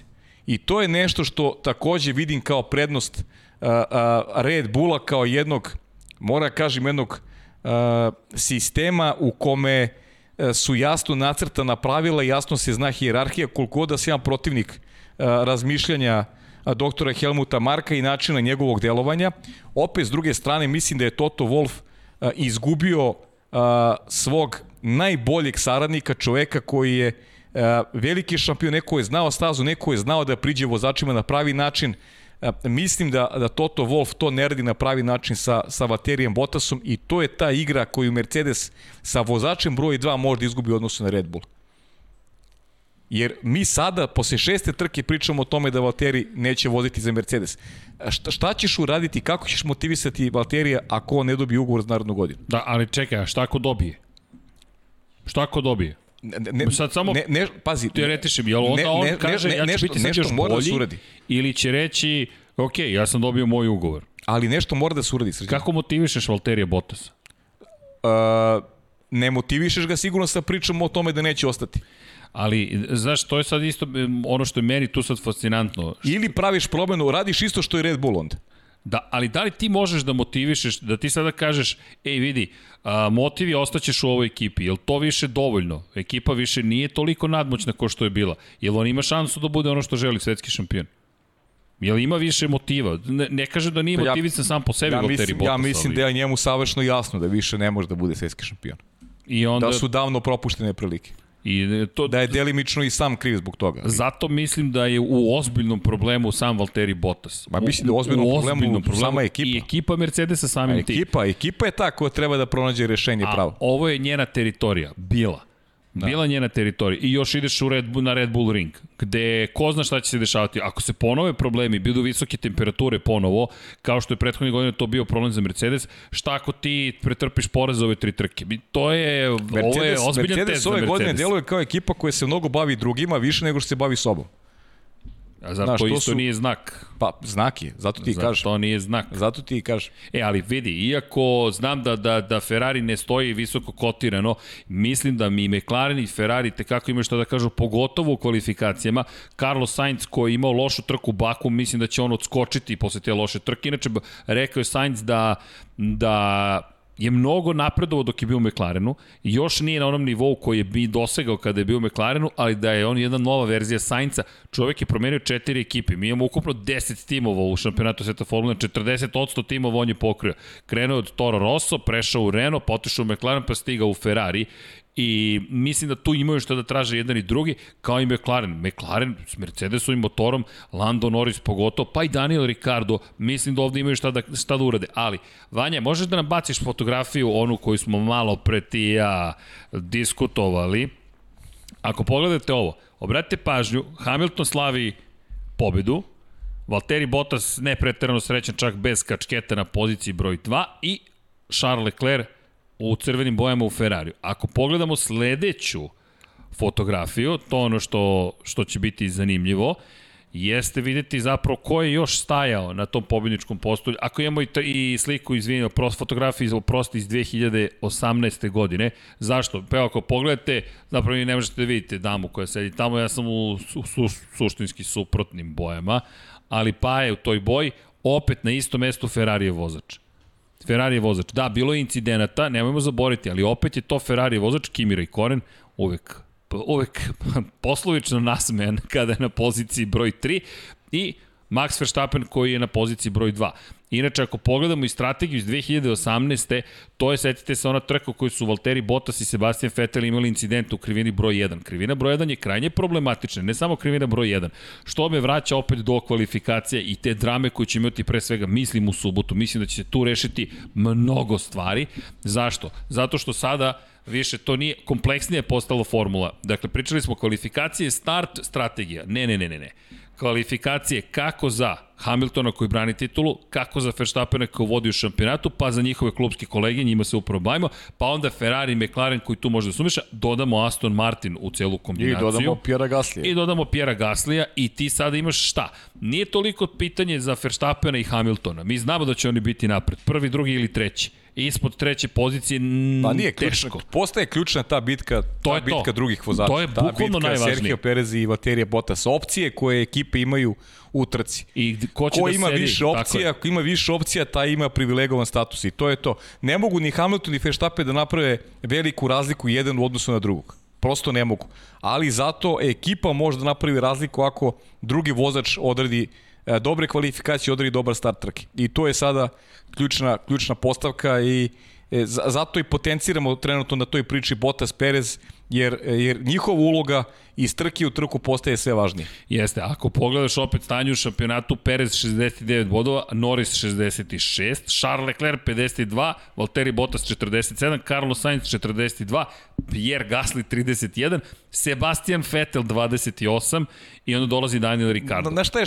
Šteta je što Ferrari i McLaren ne mogu da utiču na tu šampionsku trku. Oni mogu samo da skupljaju mrvice. Ali mogu da, Da da poremete otpatke, znaš. Botasa i Pereza na samom startu. Mogu. To, Mogu, zato Bottasa ja mislim Pereza. da mogu da odigraju Da, veliku i može, recimo Ferrari, ja očekujem da će oni na Hungaroringu da, da budu dobri. To je Da, da, pokazala, Hungaroring, to je pokazala. Monako je pokazao i tu možda mogu i da ispariraju, čak i da naprave neku pometnju, da napravi iznenađenje. Tu mogu, ali Čekaj. ovim ostalim Pa stazama u teško. tri nedelje imamo tri trke, a četiri poena deli vodeću dvojicu posle šest trka. Ja ti kažem, danas razmišljam koliko smo trka imali u Formuli 1? Pa koliko smo imali u godini? Samo šest.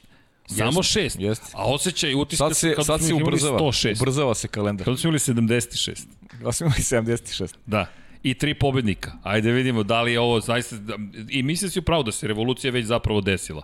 I da zapravo sada jer ne A zaboravimo, posle više- francuske revolucije ponovo se okretala spirala, vratio se imperator, pa su ponovo jurili republiku, pa Nemoj, biće interesantno. nemoj profesor Tubi da nas čuje, sad ulazimo u Aha, istoriju u, da, okej. Nemoj da nas čuje profesor Tubić. E, ali možemo da uđemo u kulturu. Vanja, da. Možeš da nam daš onu fotografiju kako izgleda priča o zapravo statuama, vrlo su interesante. Inače, evo ovde Dom Pablo šalje poruke.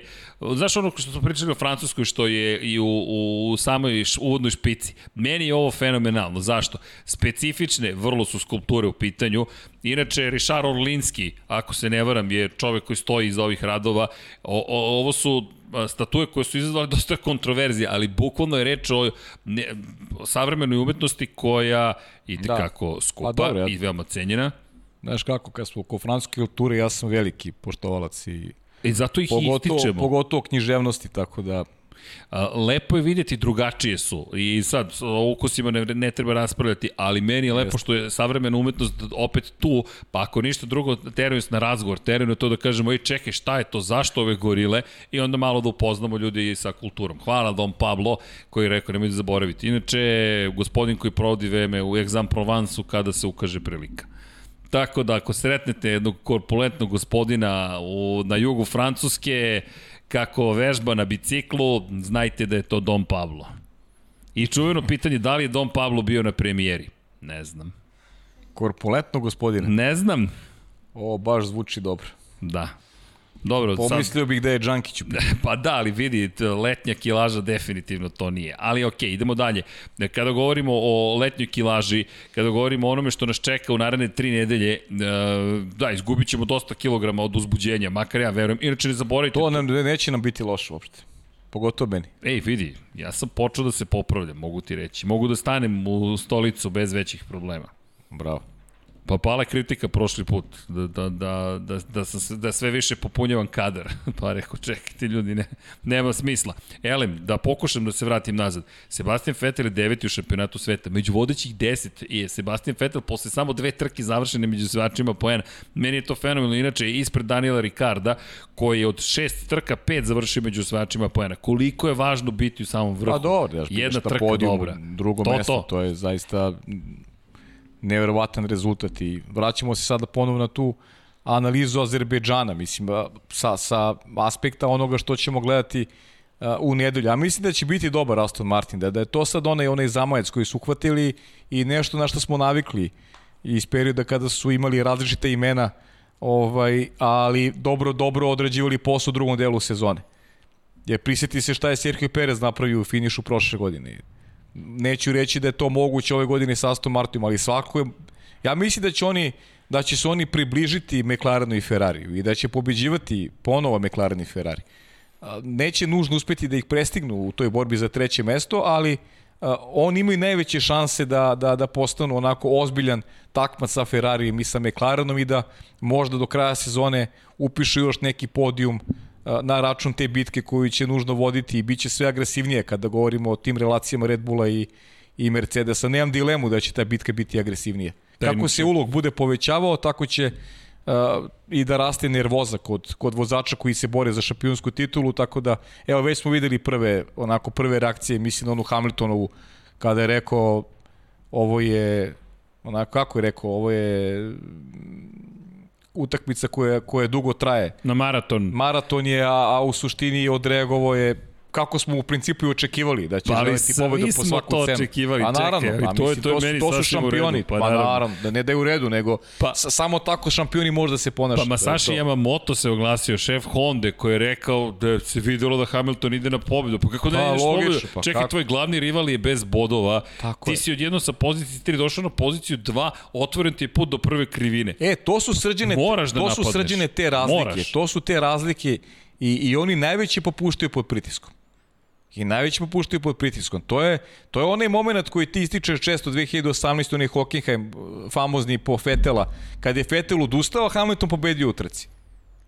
Znači, isti scenarij mi se javio u glavi, isti scenarij mi se javio. Ja sam bio ubeđen da će Hamilton pobedi u E trku vidi, ja sam kada je, kada je, zapo, kada je bio. pretekao Pereza, ja sam rekao, ok, to je to, pišemo ono što smo rekli, pišemo 99. pobedu, to Tako je je. to.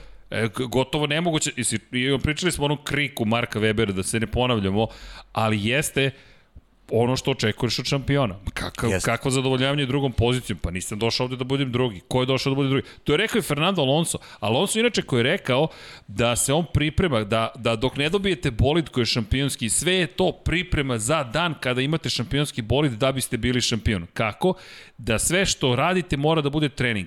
Svaki detalj trkanja tokom tog vikenda i da vam to menja zapravo pristup trkačkom vikendu kako čekate taj moment kada ćete dobiti šampionski bolid. Nisam siguran kada će Alpina i da li će postati šampionski Pa dobro, bolid, ali, ali, ali- je to taj, kako? ta, to postavka u glavi, Sam, mindset. samo, samo sa tom verom i možeš da u trenutnoj situaciji da, da daješ sve od sebe i da voziš, da voziš kako treba. Ako nemaš tu vrstu vere, onda, onda ne znam, onda, onda se uzelo takmiče, mislim na Fernanda Alonso. Da, naravno, naravno. Jer on ipak ušu petu deceniju života i on ukoliko, Čekaj, ukoliko ne vidi neki jasan plan, a, mislim da, da, da je potpuno pogrešio pravac e, koji mu ide karijera. Čekaj, znaš. 29. jula je 40 godina. Pa dobro, pune. to je to, okej.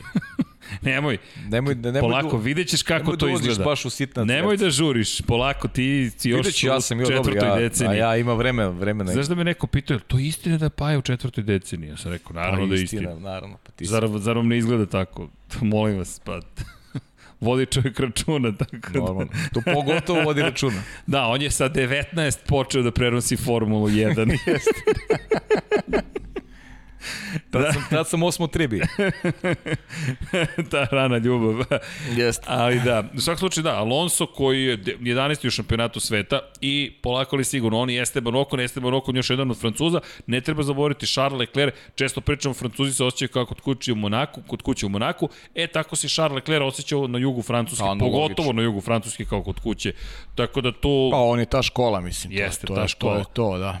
I pazi, u, ka, kada pogledaš u Monaku situaciju, on se pojavio s kacigom koja je bila posvećena čoveku koji je bio dosta uspešan kada govorimo o velikim nagradama Francuske. Pa hajde, vidjet ćemo da li će se tu nešto desiti. U svakom slučaju, da, eto, možda, možda Charles Leclerc nekako obraduje sve. Vidjet ćemo. Me- Meni je to zaista zanimljivo iz perspektive is- istorije kada govorimo o Francuskoj, iako ova staza se koristi tek 2000, od 2018. ponovo, opet velika nagrada Francuske je nešto što mora, po mom mišljenju, mora da postoji u šampionatu sveta, ali eto, prošle godine nije bilo, pre toga se vratila 2018. 19. Nismo baš gledali najuzbudljivije trke. Inače, ovo je staza koja je poznata zaista po, po tome što je tesna staza. Za tehnički kutak mi smo pripremili par stvari čisto kao pripremu za ovaj vikend. Zašto? Zato što mislimo da je to važno. Vanja, možemo da bacimo pogled, samo da vodimo računa o tonu. Znam da je prošli put bilo primjedbi da smo, ja mislim, manje više ugluvili većinu e, slušalaca i gledalaca sa brembovim tačkama kočenja, pa vodite računa, ako nešto sada eksplodira, To je zato što nismo ovladali, ali Vanja je tu. Prošli put smo Dom Pablo ja srušili manje više kuću. Sad je tu Vanja. I to je to. Staza Paul Ricard, Le Castellet, Francuska, specifična staza nekadašnji aerodrom ravna 5842 metra. Pogledajte negativno ubrzanje temperature kočnica. Vrlo su niske. Kočeni sistemi nisu preterano opterećeni. Krivina broj 8 taj zadnji čuveni pravac je mesto gde imamo i najveće negativno ubrzanje i najveći kubitak zapravo brzine kao što možete vidjeti ravno, ravno, ravno, ravno, ravno, ravno, podsjeća na Silverstone iz te perspektive.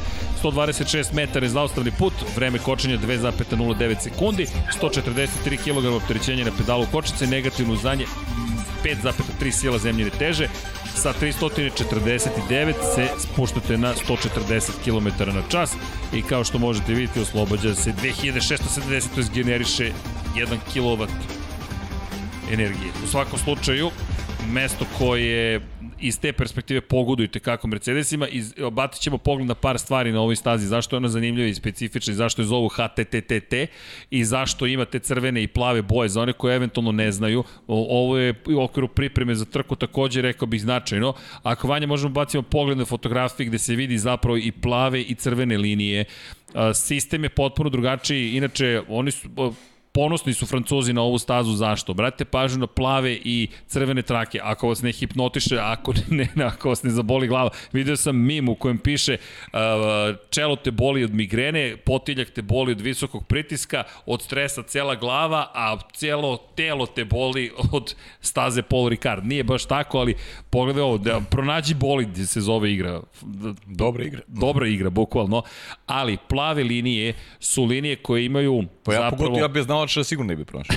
pa gotovo nemoguće, mislim, baš je dobro za vežbu vida, ali činjenica da plave linije zapravo su linije koje su te koje će vas, e, hvala Vanja, prvo zaustaviti, dakle, nemate klasičnu šljaku, međutim, nivo, ter, koeficijent trenja je veći na plavim linijama, još veći na crvenim. Kada dođete do crvenih, oštećenje guma gotovo je izvesno i ono što jeste poenta jeste zapravo testiranje novih materijala u kontekstu toga kako može da se absorbuje energija kada izleti bolica staze, kako može da dođe do usporenja, a opet i do toga da se oštete gume da budete ipak kažnjeni zato što ste napravili grešku. Imate naravno i situaciju u kojoj ako dođete do odbojne ograde, nema odbojne ograde, to je isto važna napomena, tek pro ograde se koriste na ovoj stazi, i imaju odbojnih, ali Tech Pro pre svega kao sistem za apsorpciju energije i ovo je taj pogled na zapravo na delove staze kojim, kojima se ponosi s razlogom. Mnogo toga što testira Paul Ricard inače se nađe na drugim stazama, tako da neće biti iznenađenje ukoliko ovakvi sistemi ožive na drugim mestima.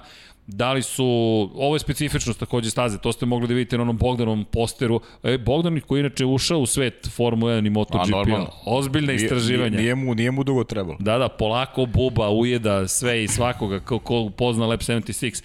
Ali da, specifična staza, tako da ovo je nešto što želimo da istaknemo. Ako bacimo pogled na još par stvari na koje su i tekako ponosni, a to jeste drenaža koju ovde testiraju i imamo o to je to je bukvalno izgleda kao klasična drenaža, nije. Ako bacimo pogled na sistem za navodnjavanje i vidjet ćete bolide koji voze po kiši, ovo je kiša, međutim, ova staza, ova staza je fenomenalna, ova staza ima sistem u kojem možete zapravo da organizujete testiranje uh, bolida po kiši. Dakle, vi možete ovu stazu da pokrijete vodom i da testirate zelene čuvene Pireleve gume, na primjer, i ono što je fascinantno jeste da imate 64 takođe različite konfiguracije ove staze.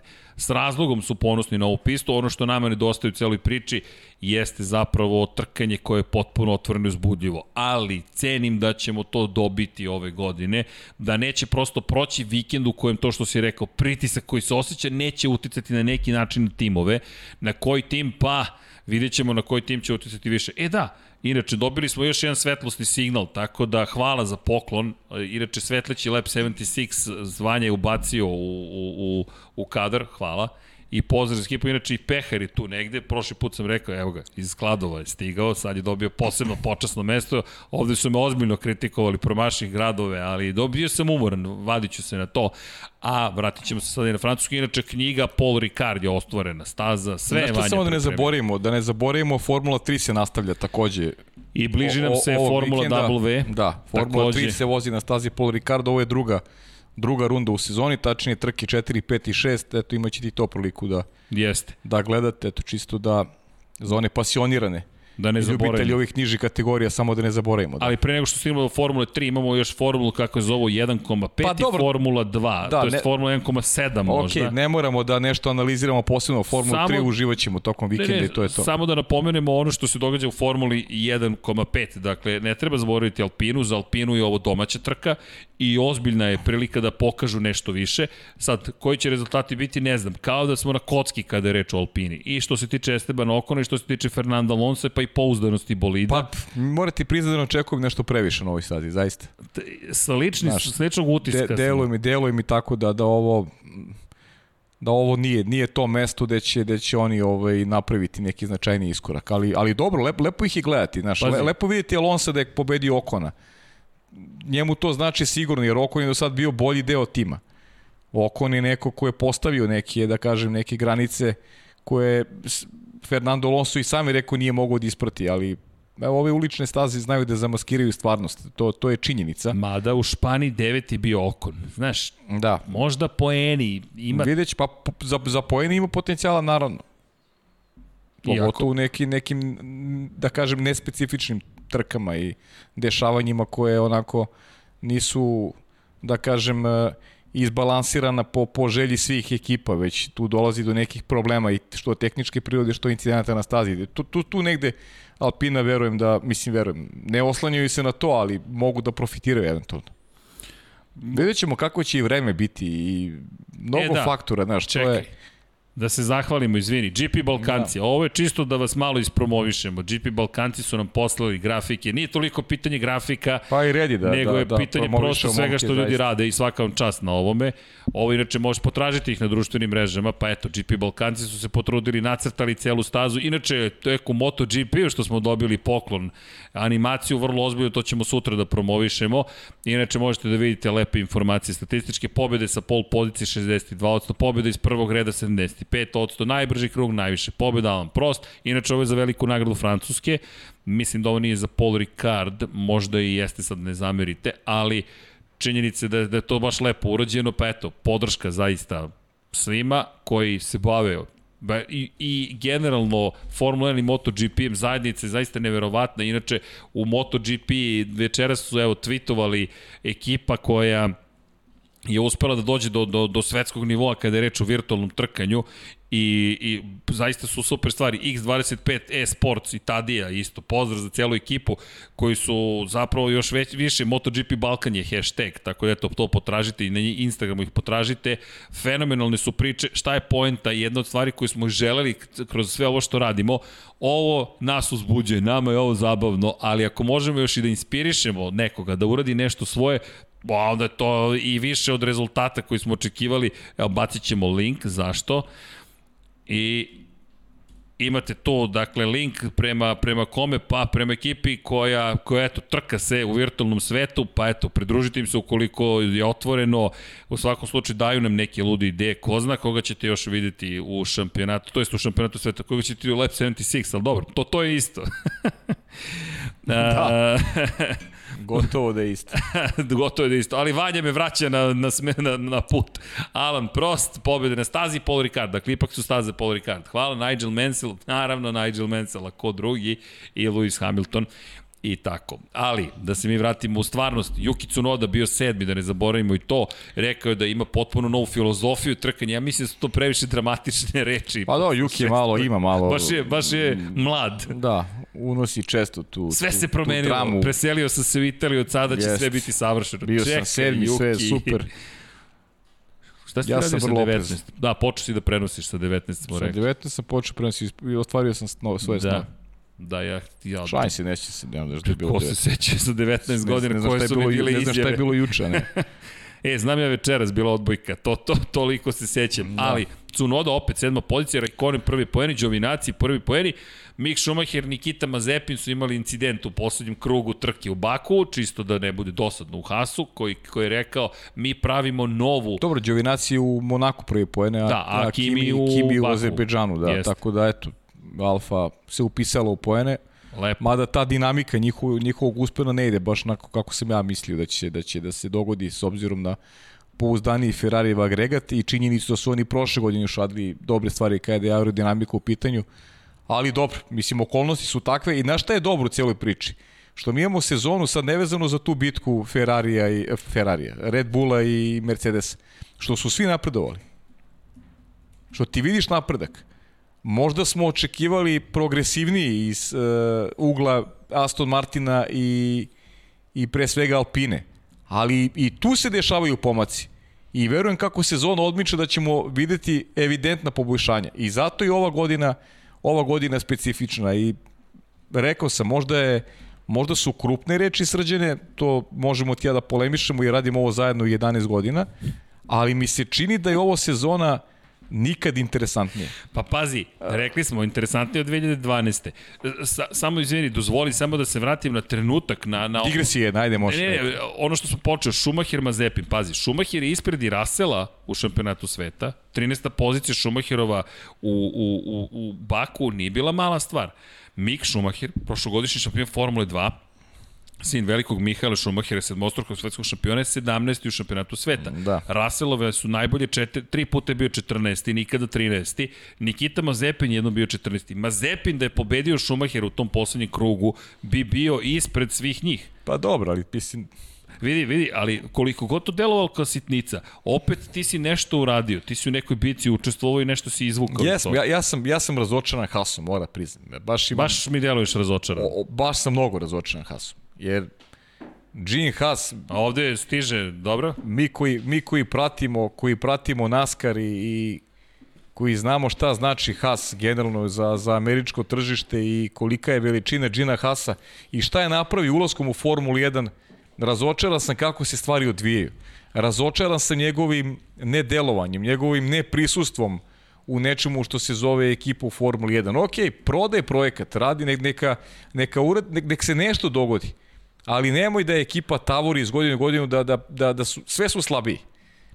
I, i, I od onih nekih e, očekivanja, pomalo i romantičnih sa naše strane, da ne da se Haas bori za titul, ali da postoji neki uspon iz godine u godinu, kao što se to i dogodilo, došli smo do faze da da Haas zaista izgleda kao ekipa koja je popuno zalutala u celu priču. Pa ono što se trenutno događa i najviše priča zapravo o tome, ima razlog zašto je ovaj Šešir inače stigao ponovo u studio, ali e, ono što jeste sada najveća priča za Haas jeste da li ćemo dobiti američkog vozača u Formuli 1. I Da, Ginter Steiner je smo o tome, potvrdio, da. samo je potvrdio ove nedelje da iz njegove perspektive oni traže tog vozača, da li će se to desiti i kada, ne znamo, ali slažem se s tobom, jeste razočaravajuće, međutim, Haas tvrdi da je ovo sve deo restrukturiranja za 2022. Daj Bože da je tako. Da, ja bih volao da je to tako, ali nešto mi ne izgleda dobro. Govorili smo i o tim spekulacijama vezanim za za američkog vozača i ko su ti momci na, na, koje se ovaj na koje se pikira i možda bi to malo i probudilo interesovanje i i negde i američkih medija i ljudi koji će tu priču da onako pojačaju i sa nekim sponzorisanjem. Ali... Svakako treba neka neka injekcija treba Hasu jer očigledno da Gene Haas uh, je izgubio kontrolu, Ali... pitanje je da li je Ginter Steiner čovek koji treba da ostane na tom To mestu. sam upravo teo ti kažem. Mislim da koliko god da ti dobio podršku sponzora iz Amerike, ako tvoj tim nije taj koji zna šta hoće, šta kako će da radi i gde će da ide, koje ti šanse Čekaj, imaš? za- zar- Šta će ti sponsor? Zar tim u Australiji nije pokazao da nije tim? Jeste, davno je nije pokazao. pokazao na, u momentima kada je ekipa pretila da dođe do velikih rezultata, tebe tim košta obojicu vozača sa lošim promenom pneumatika, ne lošim. koji je moj utisak? Ono, ono, je, ono je kao da smo, kao, aj, neću ni nas da pocenjujem, kao da su ne, neki totalni Baš amateri, amateri. ljudi koji nemaju dodirnih tačaka sa tim sportom, ajmo kao mi ćemo sad da menjamo pneumatike, malo da se igramo. Pa jo, moj utisak najveći jeste da je Ginter Steiner bio taj koji je trebalo da formira taj tim, ali da je trebalo da ga napusti u pravom trenutku i neko drugi da preuzme. Kao Zajdl koji je koji je rekao da inače McLaren ne sme da se opusti, dakle čovjek Andre Zajdl je rekao da sad ovo treba iskoristiti da budu još veći i bolji i da je dobro što koliko mu je slobodu Zach Brown koji je izvršni direktor McLaren da. Pa da, Srkili, ko je taj Capo di Capo, ko je taj... Haas. Pa, Gene, Gene Haas. Haas. On je taj koji je trebao da kaže ti nisi za to. A idemo dalje, tražimo nove rešenje. Znaš, Ginteru Steiner, Ginter Steiner je vjerojatno svestan kad napusti Haas da, da njemu više, gde će, To posle, to, gde to će on kraj. posle Pa Haasa? ko, to je... ko će ga angažovati? Pa da. Niko. Čoveku se ne daje otkaz, ali, Ali- zato Gene Haas mora povuče potpis. Pa jo, ako smo prošle godine imali sombrero u čast čoveka koji je slavio pobedu, evo kratak sombrero, nećemo se ponavljamo, to nema mnogo smisla, Patricio Award. Da. Čovjek je pobedio i dobio test u Formuli Lepo, 1. da, I lepo. rekli su šta? U McLarenu u decembru testiraće. Lepo. Meni je to fenomenalna priča. Jeste. Patricio Ward, inače hvala kapitan, kapitenu, izvinjam se, zašto, i moramo da ispoštujemo Patricija Warda, druga trka u Detroitu pripala njemu, i poveo je vodi u šampionatu u IndyCaru i to može biti zaista vrlo interesantno. Poen prednost ima odnosno na Aleksa Palua, Španac je takođe odličan, Scott Dixon, čovjek koji je više svi ko je Scott Dixon, legenda, da. Je tu, inače u prvoj trci ovog vikenda Markus Eriksson prvi put slavi u karijeri. Samo da, da napomenemo, Patricio Ward će testirati McLaren. McLaren vrlo ozbiljno radi na svim mogućim frontovima i rekao je moje srce u Indikaru, ali nisam glup da odbijem poziv Zeka Browna da testiram McLaren. Naravno. Čisto da ispratimo i tu priču, prosto Meksikanci dugo su čekali novog pobednika, ali eto, ne pletu se neke zanimljive Da. veze. Zanimljiva, zanimljive nedelje za, za Jesu. Meksikanci, da. Jesu. E da, inače još jedna bitna vest o koju nismo prokomentarisali kad smo pričali o Aston Martinu, Schaffnauer je rekao da će povećati broj zapravo zaposlenih u fabrici i da je plan da pre nego što se otvori nova fabrika Aston Martina zaposle još 250 ljudi. Tako da Aston Martin, evo gledamo ovde neko ko se smeje kada se spomene Aston Martin, je... Znam i ko. da, da, nije, nije teško pogoditi kome kuca zeleno srce. To ne zbog komercijale, već zbog Aston Martina. Šalimo se, šalimo se. Ali činjenica je da, da Dom Pablo jel to, ima tu neku slabost prema Aston Martinu. Da, ima nešto, ne znam zbog čega. Ne, ne znam ni ja. Uh, Pajo, doćemo na pitanja. Hoćemo se 23-53. Hoćemo, Reme, da. Vidi, čak Reme, ovo su najave. sata se nismo Znaš šta nas čeka? Čekaju nas vrlo zanimljivi podcasti naravni jer ćemo i da analiziramo prethodnu trku i da najavljamo najavljamo. novu. A pritom utorak definitivno obeležavamo 200. 200 tu trku, trku. koju komentarišemo. E, zaista. čekaj, to bismo mogli da pogledamo taj prvi, te, te, te snimke prve, Tu Tursku. tu Tursku. O, ja se svećam, ma, svega se sećam. I poziva, i gde sam bio, i sve, zaista. To, to može malo da prevrtimo, kak, šta se tu događalo i mogli kako bi, se da. događalo. Da. Ne, stvarno nisam imao pojma da je Formula 1 u pitanju. Nisam ni ja. Pa znaš kako još nisam znao? Ja sam bio u Italiji kad me dotični pozvao. Da. Ime čije se, koje se ne izgovara. Ovo se ne izgovara, da. Voldemort nije, ali tako. Tako ne, slično. Ej, pozdrav, znam da prati, tako da. Prati, pa Pa naravno. naravno da prati. Prati, naravno. Na svakom slučaju, činjenica je da je to jeste bilo, to je, to je 10 godina onda. To se isto nekako čudno poklopilo. 10, 10, da, 10 godina. 10 godina. Ali se skupilo trka. Ovo je 11. sezona, ali Evo 10 opet da godina kad zapevamo smo Tonija počeli. Montana. Da, da, da, da. da. Da, inače kada govorimo o trkama, nemoj zaboraviti, pošto sada pričamo o tome da ćemo imati 9 trka, 23 i dalje stoje, Amerikanci su se oglasili i rekli su da, što se njih tiče, što meni fenomenalno, mnogo volim Kako, kotu. fenomenalno. fenomenalno. Mjau, mjau, mjau, Mjau. Mjau. Mjau, nemoj zaboraviti čuveni mjau, ali da, meni je fenomenalno zato što kotu mnogo volim, bez obzira na Da. probleme koje ta staza ima, ali činjenica je da u ovom momentu bi dve trke u koti bilo fenomenalno videti. Kotu smo gledali u Naskaru Da. skoro. I, I bilo je specifično. Bilo je, da, bilo je. bilo je, je Lepo je bilo, bilo je da. krajnje, da, bilo je vrlo, bilo je vrlo interesantno. Šta kažeš, pitanja, a? Da, pitanja, ali samo da napomenem da postoji još uvek otvoren termin u rasporedu, u kalendaru ovogodišnjem. Singapur jeste otkazan, ali 3. oktobar stoji kao Da, da, datum biće, kada biće. će se desiti trka, samo ne znamo još koja trka. E sad, to bi mogli da se dese premetačine i da zapravo se promeni raspored kada će se održavati ta trka i da ne bude 3. oktobra, nego da se pomeri možda na 17. oktobar. Tu postoji problem s obzirom na činjenicu da već 31. treba da budemo u Mexico City-u. Ali, ako biste birali da od nekud putujete do Mexico City, a onda bi to bio Texas. Tako da Logično. Može da se ostane 10. i 17. oktobra, da se otkaže 3. oktobra, tu se stvori malo više prostora, jer žestok je tempo. 26. septembra smo u Rusiji. Već 3. oktobra, bez pauze je neka trka, ne znamo koja, već 10. oktobra je velika nagrada Japana. I onda opet trostruki niz, mada ne teško će 17. oktobra, onda to bi značilo četiri trke za redom, to je nemoguća misija. 24. 31. oktobar i 7. novembar su velika nagrada SAD, Meksika i Sao Paulo. Znaš kako, neka se održe 23 trke kako god. Jer opet pričamo o nečemu što se zove i, i, i regularnost. Napravio si kalendar i drži se plana koji imaš, pa po cenu da se negde vozi dve trke. To je to. Da, ja bih volao, moram ti priznati, u koti da, da, da, da, da, da se desi te dve trke, nekako koliko god da, da zna da bude problematična ta trka, meni, dopada mi se ta staza. I Ne meni isto, Možda sam pa samo da. Pa dobro, sentimentalan. I naravno, ne znaš ko bi mora da dođe u 200 tu emisiju? To je Lab 76 200. Mislim da će kažeš, naravno i Watkins Glenn da se vozi. Da, Watkins Glen, ali znaš ko mora da dođe? U 200 emisiju ko mora dođi, Samo jedna osoba mora da se pridruži. Deki naravno mora da bude tu, mora ali biti samo jedan. mo, ko mora da dođe? Pa ne znam. Ko je, ko je gradio poslednju pobedu Kimira i Konena za sada? Sa tobom. A, Baki. Može, Baki Pralica. Baki Pralica. Bakija ako nije uprljan šljakom negde. Oprostit onda ćemo ga zvati sigurno. Misliš Slavi još uvijek. Ne, ne, ne, nego radi na terenu, na terenu radi. Vre, vredno šljaka. Vredno šljaka. na, Da, na vredno šljaci. šljaka. Pozdrav za Bakija Pralicu, naš Zvaćemo voljeni. Baki. Kako Pazi, ne. o, to je, to je, to je, to je, to je bila trka, bio sam ljubomoran, otvoreno. Sedim i gledam, neće valjda Kimi da pobedi sada kada trku ne prenosi. svašta nešto. Ono. Jeste, kad god je seo, bilo je uzbudljivo. I, I ona čuvena u... Verstappen, Leclerc u Red Bullu. Pa ne ring- samo Red to, Bull nego ringu. Spa Frankošam, gde je. Vettel dobio Hamiltona u direktnom duelu na stazi. Jeste. I to je radio Baki. Ali radio i tu Moncu čuvenu kada je Jeste. ta pobeda Luisa Hamiltona i Jeste. to je radio. Jeste. Svašta nešto je Baki radio, sećam se.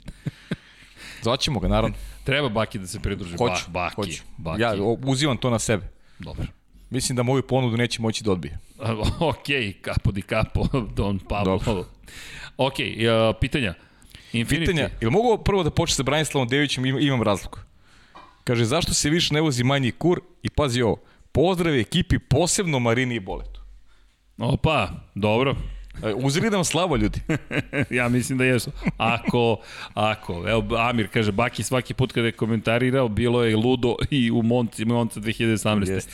Da li Zašto može... se ne vozi manji kur? Nismo odgovorili, Branislav. Zašto se vozi, ne vozi Ne manji vozi manji kur, da. A, pričali smo o tome, samo kratko, manji kur je uh, za nove bolide opasna staza. Inače, to je zanimljiva, samo, opet digresija, ne zamerite, izjave Luisa Hamiltona, koji je rekao da mu nije jasno zašto se stalno povećavaju bolidi i kakve to veze ima sa time da razvijamo tehnologiju da bude efikasnije. Kaže, ako vi povećavate masu bolida i povećate veličinu bolida, povećavate neophodnu energiju, pa neophodno da i pokrenete i zaustavite te bolide da upravljate njima, pa mu nije baš najjasnije u kom smeru to ide Formula 1. Složio bih se sa njime, s obzirom na činjenicu da bolidi postoji zaista preveliki. Što kaže u Monaku, ljudi, vi ne možete više ni teoretski da preteknete. Nema mesta da, da, da, da stanu dva bolida. Inače, kada bi mogli promeniti epilog neke trke koju bi promenili, kada bismo mogli promeniti epilog neke trke koju 1986. Nigel Mansell protiv Alana Prosta da osvoji još jednu titulu, eto to bih promenio Adelaida, puče guma Nigel ostade bez titula 1988. da Ayrton Senna e, Monako. prestigne, prestigne Alana Prosta za ceo krug i, i da tako pobedi. A, da. I da vidim reakciju profesora posle ok, vidi, Alan Prost nastrada kod nas. Očima nisam mogu da ga vidim, sad ga mnogo pošta. Primećuješ Alan Prost i Da. kod mene i kod tebe. Mrzeo Inače- sam čoveka, mrzeo sam čoveka, priznajem. Inače, neutralan pita šta se dešava sa NFL podcastom utorkom i petkom. Pa i ovi komentatori imaju dušu, tako da prošlog petka zaista nismo mogli, niko od ekipe nije bio tu. Tempo nam je utorak, sreda, petak svake nedelje. U jednom momentu moramo i da odemo na neki odmor, nešto čisto da vidimo i tu porodicu A, i te drage ljude voljene.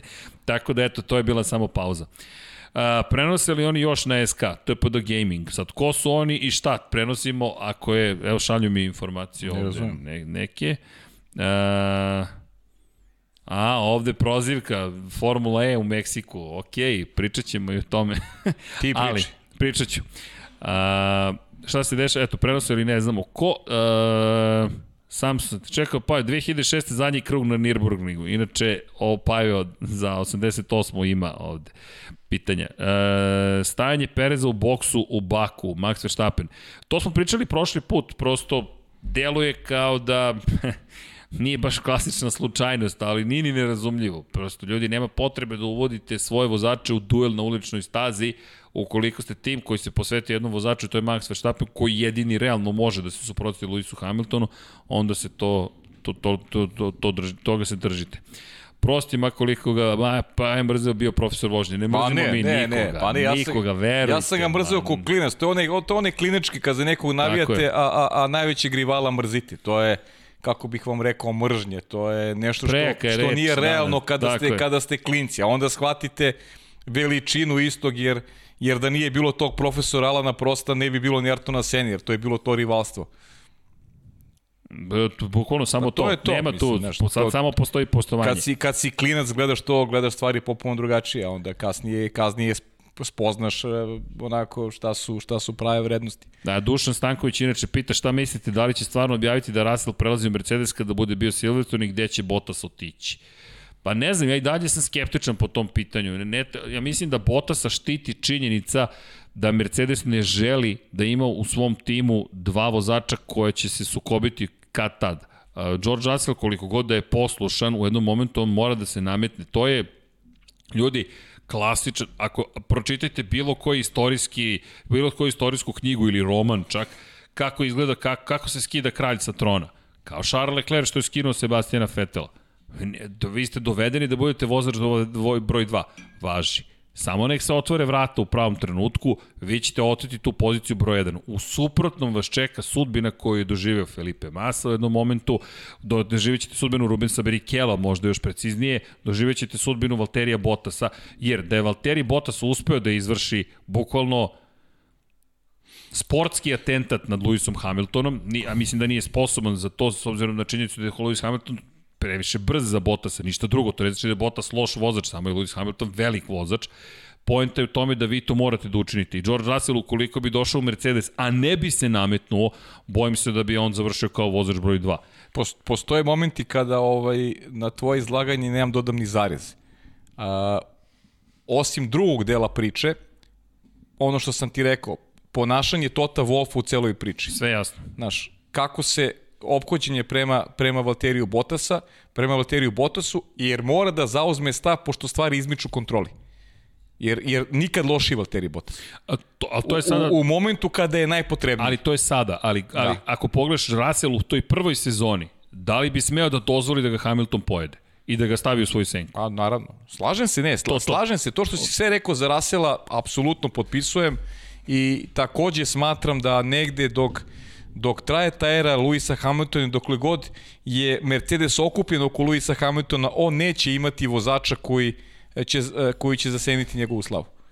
I to, to mi je to je jasno nacrtano, kao jedan i jedan. Ali kako će se ponašati Mercedes u opciji gde nema Lewis Hamilton pravo podršku? Kako će stimulisati Valterija Bottasa da popravi formu i da bude kvalitetniji? E, to je, to je sad ona tema, možda i ključna tema koju smo otvorili pred, pred ovu veliku nagradu Francuske. E, samo jedna stvar, Mateo Alečković, pozdrav Mateo, pozdrav za sve koji nisu u Srbiji, a naručili su majice. Imam lepe vesti. Ja sam juče video naš novi website, to čak niko ovde ne zna. Tako da će biti moguće i isporučit ćemo i za Hrvatsku, isporučit ćemo za bilo koju zemlju koja je, za koju imamo isporuku. Na Dom Pablo ne veruje ovde, smeje mi se već uveliko, ali ja sam video taj sajt. Inače, pozdrav gospodinu Zoran, Zoranu Šalamunu. Zašto? Zoran koji prati Lab 76, sticam okolnosti u nekom drugom poslu smo se susreli, i Zoran koji se inače ovim bavi, tako da ZS Development pogledajte, ekipa iz Osijeka, izvao i rekao, e vidi, ja ne, ja ne mogu ovo da gledam, dobit ćete website. Tako da, to je njegov poklon. Bilo još ljudi koji su se javili, rekli smo nemojte sada ništa, mi se time inače bavimo u nekoj drugoj priči, međutim ta druga priča otišla na drugu stranu, došli klijenti koji onda nekako Infinity Lighthouse sta za u zapećak i Zoran se javio i rekao ne, ne, ovo, ovo ne može ovako, tako da stiže jedan Magento Store, tako da će tu biti i postere, neko je pitao za postere, pa ćemo sad moći da povećamo inventar, jej, da, da, da uradimo sve što smo planirali, tako da ne zamerite što čekate, malo je to više papirološki bilo opterećenje oko, oko toga kako izvršiti zapravo naplatu kada se šalje van Republike Srbije, pošto trenutno nismo baš uspeli sve da završimo, tako da eto, to su lepe vesti. Sjajno. Jao, bezobrazniče, Vanja. Ali prati. Čuj, prati. Prati, lepo prati. Lepo prati, lepo prati. Da. E, sad me sa... da. da. dobro. Čalić, Čalić, tako, dobro je pitanje. Da. Kaže, zašto kad pogledam one starije trke iz davnih vremena, 50-ih, 60-ih, pa i ranijih trka, bilo je vozača koji su duboko zagazili u petu decine, ako ne i ušli u šestu, ostvarivali jako dobre rezultate, a današnji vozači čim pređu 35. već se priča o njihovom penzionisanju. Da li to ima veze do težine upravljanja bolidima, da se naviknu njih ili šta je problem pozdrav za sve? Pa Lepo pitanje, da. Pa ja mislim da je to zapravo, to, to, to, to, to je što kaže Prince Sign of Times. To je, jednostavno, živimo u takvim vremenima. Ne kažem ni da je to dobro ni da je loše. Sada imamo situaciju u kojoj veliki broj vozača se profesionalno time bavi, mnogo je novca u celoj priči, način pripreme je drugačiji, ono što pa i to, to može kroz futbol i kako da se vidi, ono što je nekad bio materski uslovno rečeno sport. Vi ako se vratite u 70. vi imate vozače koji su prljavi, koji su pomagali svojim mehaničarima da poprave bolid, koji su morali to da rade, nisi imao tako organizovane timove, ali sada su vozači posvećeni od, da, od jutra do sutra da fizički i psihički budu pripremljeni Jeste. za vožnju. Jeste, ali ima malo, mislim, imate vi sportovi danas gde, gde ljudi u onako ljudi, već mogu kažem, u petoj deceniji života igraju jako dobro na visokom nivou, kao što je bilo i nekad. Recimo, hokej na ledu i tekako imate momke koji su vrlo uspešni u petoj deceniji života i to igraju baš onako vrhunski, pa u krajnjem slučaju imamo sad i vozači, imamo evo Fernando Alonso koji, koji se vratio uskoro će zagaziti u petu deceniju života. Mislim da nije bilo nužna nije bilo nužno e, da je bila praksa da, da, da voze da najveći broj vozača bude u četvrtoj i petoj deceniji, ali evo imamo i danas takih primjera, a opet s druge strane mislim da se mnogo manje ljudi bavilo auto motosportom kada pričamo o tom periodu 60-ih, 70-ih, da nije bila konkurencija toliko jaka kao što je danas. Jer danas imamo te dve prateće kategorije e, Formula 2, Formula 3, mi gotovo, mi sada već možemo 10 imena da nabrojimo momaka koji su spremni da da uskoče ovaj u, u, u ovaj takozvani najbrži cirkus i da i da budu onako potpuno ravnopravni sa momcima koji su recimo u skorije vreme zagazili u Formulu 1 poput recimo Mika Šumahera, Mazepina ili ili ili Yuki Tsunoda. Tako da mislim da da prosto konkurencija danas brže jede brže jede vozače to jer jer imaš- mnogo više momaka se bavi ovim sportom nego što je bio slučaj Imaš- u ta neka neka davna vremena. M više takmičara, M načina koji ti moraš da budeš spreman se promenio, malo njih je dovoljno disciplinovano ili ima dovoljno sreće i podrške. Fernando Alonso je jedan od redkih koji ima adekvatnu i podršku da može u tim godinama, kao Kimi Raikkonen, da ostane i dalje u Formuli 1. Ali da, prosto su se vremena promenila. Ranije, pa evo, da se vratimo 25 godina, ne tako mnogo unazad, Max Biaggi je počeo karijeru sa 18 godina, posvojio četiri titula. Zamislite sada sa 18 godina neko da se pojavi u šampionatu sveta motociklizmu i kaže ja bih da počnem da vozim. Pa, ne, ne možete da sednete na motor, vi morate sami sve da obezbedite, kupite, platite da biste dobili priliku. Što ne znači da neki ljudi ne bi mogli. Pa evo, kada pričamo o godinama, ovde, evo, 99 yardi ovde snimamo, pričali smo o Tomu Bradyu toliko puta, čovek ide ka 45. godini, polako li sigurno osvojio 7 titula u, u, u NFL-u, to, to jeste njegova pozicija drugačija, ali on je čovek rođen 1977. godine, 44 godine ima i dalje osvaja titule. Da, ali i, i kultura se promenila, da pričamo o nekim drugim aspektima života, ono, neko kad zaozme busiju, pa ono, ne, ne, ne, ne možeš ga skloniš do, do, do 90. Pa Da. dobro, ali nje- njemu se ni ne bune previše, njegova busija je dosta dobra, Da, to sve dobro, stoji, mislim. zauze, stavi i ne pušta, ali dobro, razumeo sam te. da, znam da jesi. Da, inače, i dobili smo pitanje dobro, da li će Roman Grožan voziti, to nismo spomenuli. Nažalost, Roman Grožan neće ovoga vikenda voziti kao što je bilo planirano u Mercedesu, promene e, kalendara su dovele do toga da se poklapa njegov nastup u Sjedinim američkim državama sa vikendom Formule 1, tako da će Roman Grožan biti u Indikaru ovoga vikenda, ali će privatno izaći na stazu u Mercedesu u jednom momentu kasnije tokom godine. Šteta, s obzirom na činjenicu takođe da će biti 15.000 gledalaca prisutno na stazi, to je isto fenomenalno. I da, još jedna napomera koju smo zaboravili, nije mala, asfalt je promenjen ove godine, posle dve godine imamo novi asfalt koji bi trebalo da bude još glađi i zapravo staza bi trebalo da bude još boljem stanju. Obično to ne, ne garantuje i veće uzbuđenja, ali ok, mi držimo palčeve da će se tako nešto desiti, da će Do, biti još uzbudljenja. e, Dorijan Tiček, veliki Da. pozdrav Dorijanu koji se stalno javlja. E, pitanje je da ste vi Russell, nadovezujemo se na temu, i da imate ponudu dolete u Mercedes narad, iduće sezone, da li biste ostavili Williamsu i gradili svoju budućnost tamo ili otišli Mercedes pa možda riskirali svoju budućnost jer niko ne zna šta će biti sa Mercedesu za neki 5-6 godina, odlično pitanje Dorijane. Ja da sam George Russell, ja bih ostao u Williamsu sigurno. No, to je zanimljivo. I ti, Deki, i, pa i ja verujemo i Osta Kapita. I Osta Kapito kao čovek koji, koji deluje kao da ima vrlo ozbiljne planove. Inače, Pa znaš kako, a, a Lewis Hamilton u Mercedesu, ja bih ostao pre u ekipi Williamsa.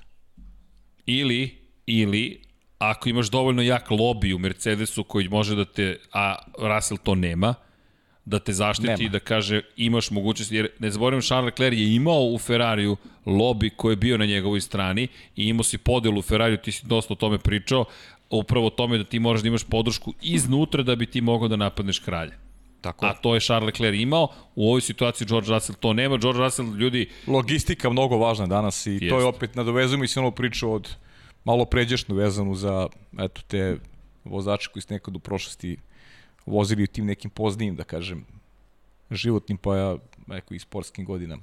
Da, inače kada spominješ Williams, samo da napomenem, to je isto važna vest, to je od, pre, od prošle nedelje, pro, pošto nismo to pokrili, nismo ni bili u mogućnosti, ali Jost Capito je preuzeo bravo. ulogu šefa Bravo, ekipe. da, da, da. To je velika stvar, ne samo što je izvršni direktor, već i šef ekipe i nema više Simona Robertsa. Jeste Doralton, Doralton Capital kada je stigao, uh, dobio priliku Roberts, međutim Jost Capito ga je pomerio sa te pozicije, tako da Jost Capito učvršćuje svoje mesto u svemu ovome. Volkswagen grupacija se inače povezuje više sa Red Bullom, ali iako da, postoje jake veze, ali Jost Capito tu može da odigra veliku ulogu u narednih 5 godina. Tako da, to je dobro pitanje. Williams, vidjet ćemo 2022. kako će izgledati. Što se tiče Mercedesa, da, budućnost nije tako izvesna.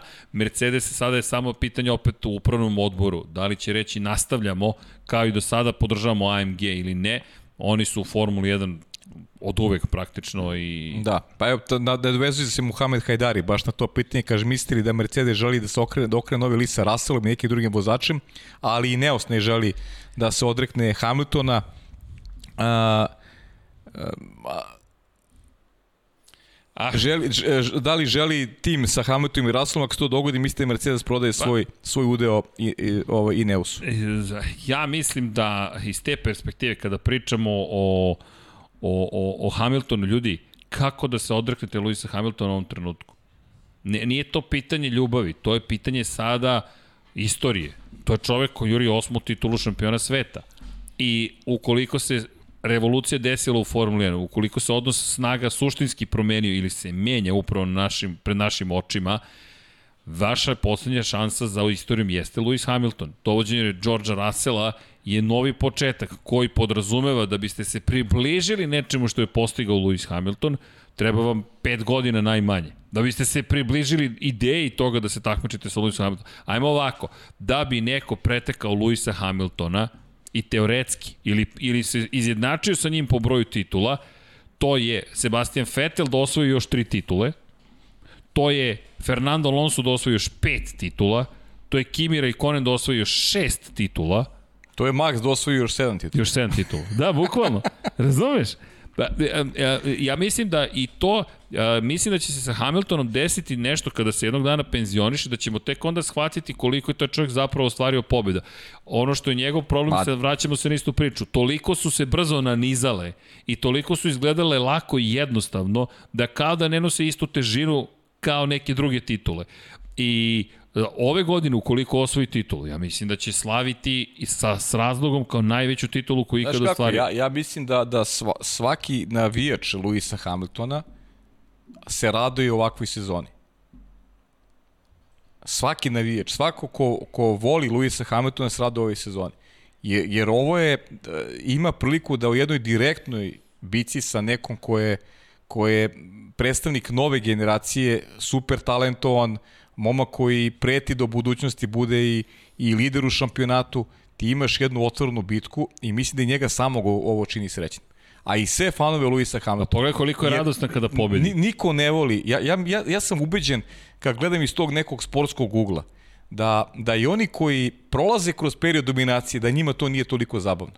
Da traže neki izazov, da im potreban izazov, da i sebi dokažu Ali- da, da, da mogu, da, mogu da, da, da slave i, i kroz... Znaš kako? Znaš, znaš, to ti je, po, to ti je potvrda vrednosti, Meni čak nije ni toliko dominacije koliko način dominacije. Razmišljamo o analogiji, na primjer, košarke. Imaš period dominacije Chicago Bullsa nekada davno. Šest titula ljudi osvojiše u koliko? Osam, devet godina. Osam, evo, Vanja dobacuje, osam godina. Ali u svim tim godinama si imao neki moment koji je bio važan. Pa naravno, pa. Ko- Gde je bilo dramatično. Ne, to ne jedan. Moraš da uradiš nešto, moraš da pobediš, moraš da prokreneš rezultat, moraš da pobediš sebe, Ma, ma, ma. javnost, situaciju. Ma, Michael Jordan je živio u eri velikih, voza, velikih e, košarkaša. Košarkaša. Znači, pobeđivo je velike košarkaše. Znaš, on Nije je, bilo lako. Patrick Pa, Ewing, je bilo Charles lako, šta- Šta je Barkley, prolazio? Prolazio one batine od Reggie Detroita Miller, i, pa, i pa, stasavao, stasavao na jedan onako specifičan način. Da bi Ali- došao do tog nivoa. ali nije znao on u januaru, e, to jest, iako je znao možda da ide ka titulu, nije u januaru, februaru već osvojio Nije, titulu. naravno. E, to je Naravno. velika razlika, što je Lewis Hamilton već znao pot, Ma, posle 3-4 trke smo znali unapred. Mi smo znali koliko smo puta, pri- sad možemo i da, i sad možemo i otvoreno da pričamo o tome. Koliko smo puta, Znali nakon da će- četiri, pre dolaska u Barcelonu, Znali. Mi, mi smo znali šta nas čeka. čekaj, Znaš, praviš priču posle tamo gde je nema. Znaš, treće godine smo odustali od toga da u petak pričamo o tome kako nas čeka vikend u kojem se ne zna pobednik. I Ne. ljudi, i ljudi Postavili mnogo je teško, teško, teško, vam pobednik. teško vama za gledanje, a teško nama i za rad. Jer znamo unapred šta se dešava. I onda dođeš u jednu ovakvu sezonu gde ne znaš ništa. Čekaj, kada je poslednji put Lewis Hamilton imao rivala iz druge ekipe za titulu šampiona A sveta? eto, to je, ako možemo, tu 2018. Sebastina Fetela do jednog momenta, do tog momenta Monce kada je sve puklo. Ali da kažeš do kraja godine, ukoliko ovo bude trajalo do, kraja, do godine, kraja godine se nije je dogodio. Felipe Massa. Šta, Tako je. 2008. godine kada je Tako osvojio prvu titulu. I dobro, je ti, to. dobro, i Niko Rosberg, a preko iz druge, druge ekipe. Felipe Massa, tako Felipe je. Massa poslednji, to je bilo pre 13 godina. Jeste. Tako da je za Russell otvara to pitanje, ali Mercedes je sada komitovan. Nema nazad sa Lewisom Hamiltonom, prosto nema nazad i ne treba da bude. To je njihovo, i još zamisli sledeću situaciju, da, da Hamilton ode sada u neku drugu ekipu i sa njom osvoji, na primjer, osmu titulu, on postaje vozač te ekipe, bez obzira što je većinu titula osvojio s nekom drugom. Da sve manje verujem u to. Ja znaš da Ne, imao... mislim da se to neće Imao desiti. sam stav da će, da će Luis sigurno ali... želiti Ferrari da, da, da je to neka, neka njegova onako... A mislim da je to prošlo. Da si Mis, ja mislim da je prošlo. Mislim da je to prošlo. Mislim isto da je prošlo. Ali me podsjeća na Giacomo. Agostini u motociklizmu. Giacomo Agostini je bio čovek MV Aguste. On je sada zaštitno lice Yamahe. Osvojio je od, jednu, od 15 titula jednu je osvojio s Yamahom, poslednju. I eno ga sad sa Yamahom. Ok, MV Agusta je među vremenu i propala i oporavila se i tako dalje. Ali on nosi Yamahine boje. E, zato mislim da oni ne, da, da jednostavno moraju da nastave i žele da potpišu ugovor što je pre moguće. I Hamilton sada ni ne priča o penziji, trenutno se priča o produženju ugovora. Pa, mislim da je to, To sasvim logično. logično. Da.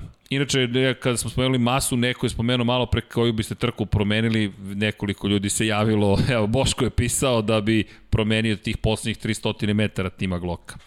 Da. I tako dalje. Čekaj, da vidimo šta smo, pro, da li smo propustili, da li su šanse, da li su šanse u Luisu, prosto je jedino masa zapravo, da li može Alfa ispred Alpine u Francuskoj, Cone je uporan, da li može Alfa ispred Alpine u Francuskoj, a, teško. Alfa je teško.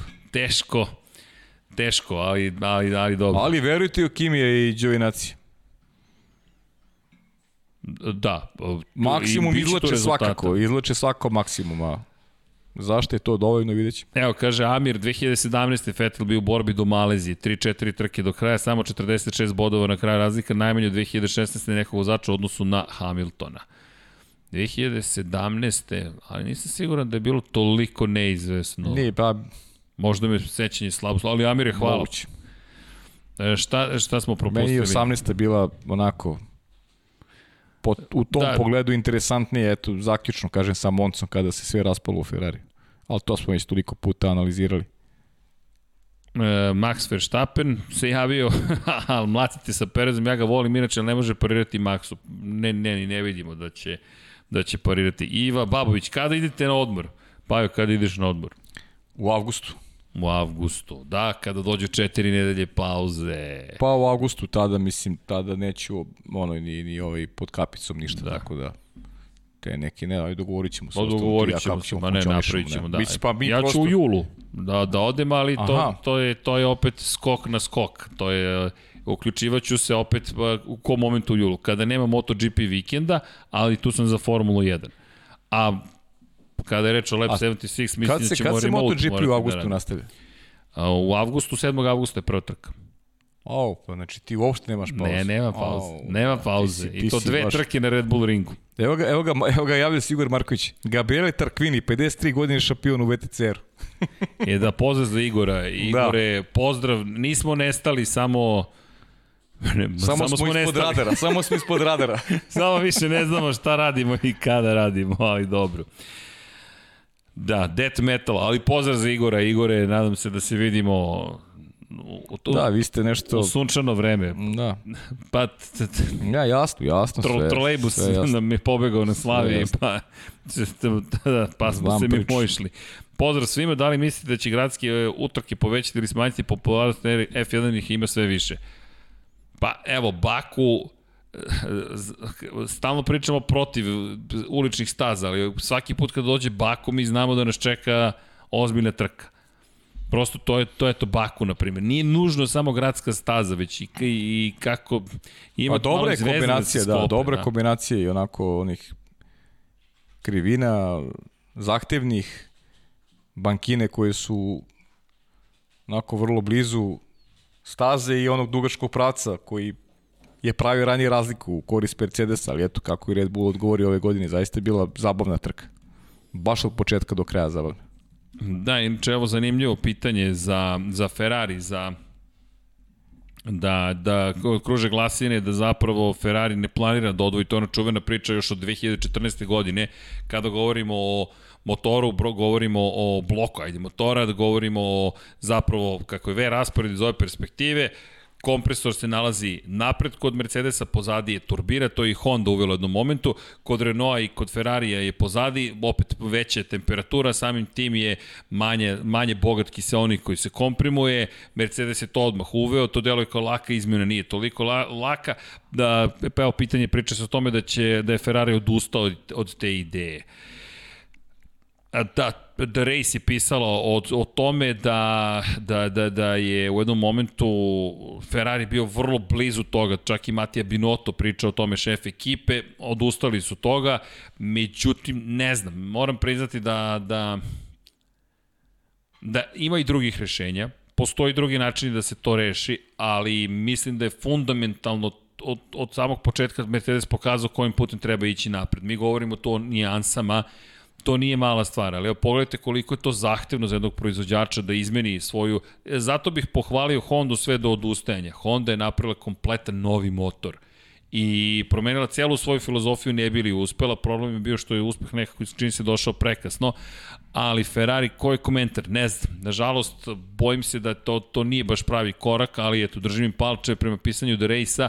Ono što će, da bi trebalo pomogne jeste intercooler, i ono što smatraju da su postigli u Ferrariju je unapređenje električnog sistema. Nadam se da im je to dovoljno da se uključu u bitku. Zašto? Pa, ukoliko su tu pogrešili opet u osnovi, pet godina će Ferrari opet da, da, da, da juri nešto što je pitanje kada će moći ponovo da izmeni suštinski. Tako da držim im palčeve, ne znam, malo sam skeptičan, moram priznati, ono što je Boži malo pre rekao, klasična fizika, ljudi, prosto temperatura, s porastom temperature vi smanjujete zapravo kalorijsku vrednost u celoj priči, kiseonik je taj koji gori zapravo, gorivo ga zapali, ali vi imate manje kiseonika na višim temperaturama i samim tim, ukoliko pričamo o nijansama, možda će to biti nešto što će nedostajati, jer ono što očekujem koliko god da Ferrari napreduje po pitanju hlad, hlađenja, to gledamo i sezone u sezonu, i električnih sistema, isto tako i Renault napreduje, Honda je napreduje, ok, to će sada biti Red Bull, Mercedes će svakako napredovati. Ali eto, držim palče, potrebno da svi budu na, na, na istom nivou. Ali jes, delim vašu skepsu ako ste skeptični. To je Nemanja Anđelković pitao. Pita Milan, da li mislite da Alonso može ponovno da postane atraktivan za ostale ekipe i da postane meta neke jače ekipe, pozdrav za sve. Ja, Milane, moram ti priznam da ne mislim da će to da se dogodi. Da je Alpina taj njegov onako posljednji pokušaj da eventualno eto, možda dođe do nekog podijuma, do neke pobede, teško da će neka, kako ti kažeš, ozbiljnija ekipa želiti Fernando Alonso u, u svom timu. Na, inače, Marko Tadić pitao oko Discord kanala, uh, Discord, izađoh ja na Discord, ljudi, eto i Discord, ali dok pohvatamo sve kanale, uh, Discord server nije sporan sam po sebi, tu pokušat ćemo da, da okupimo ljude, chat na YouTube uživo, međutim Discord server je još jedno mesto, pokušat ćemo da, da iskoristimo Discord, činjenica je Discord dobar kanal, prosto na dobar način komunikacije, imamo ovde i Ma- Mario Zvijerac, ako se ekipa slaže, može nas nekoliko koji se razumiju u Discord pomoći im se Discord serveru. Mario, lab76 at infinitylighthouse.com email, pa da vidimo, ima tu još ljudi na Discordu, ja mislim da postoji nezvanični lab76 Discord server, ljudi, mi, nezvanični lako može da postane zvanični Pa za, zašto? Pa zašto? Ne, nećemo nikada dirati nezvanični. To, vi ste deo jedne ekipe koja priča o nečem lepom, još ako prihvatite da pričate u okviru Lab 76, mi samo možemo budemo srećni. Nije ovo pitanje brenda, nego je pitanje toga da pričamo o istim pričama i istim emocijama. Tako da, eto, vidjet ćemo da li postoji još uvijek taj server pa da probamo to nekako da iskoristimo. Nismo baš stigli odmah sve da, da izvedemo. Činjenici imamo neki godine. Da, evo pitanje baš Mario, da, opet svaka ekipa tri vozača ili da upadne nekoliko novih timova?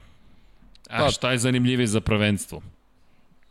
Ja sam se izjasnio još davnih dana tri vozača. Ja slažem se s tom, volao bih da imamo tri vozača.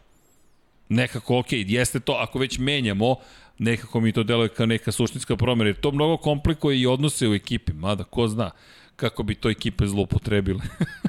Pa sigurno bi zlupotrebili, to bi onda postalo onako još na ozbiljnijem da. levelu ovaj borba timova.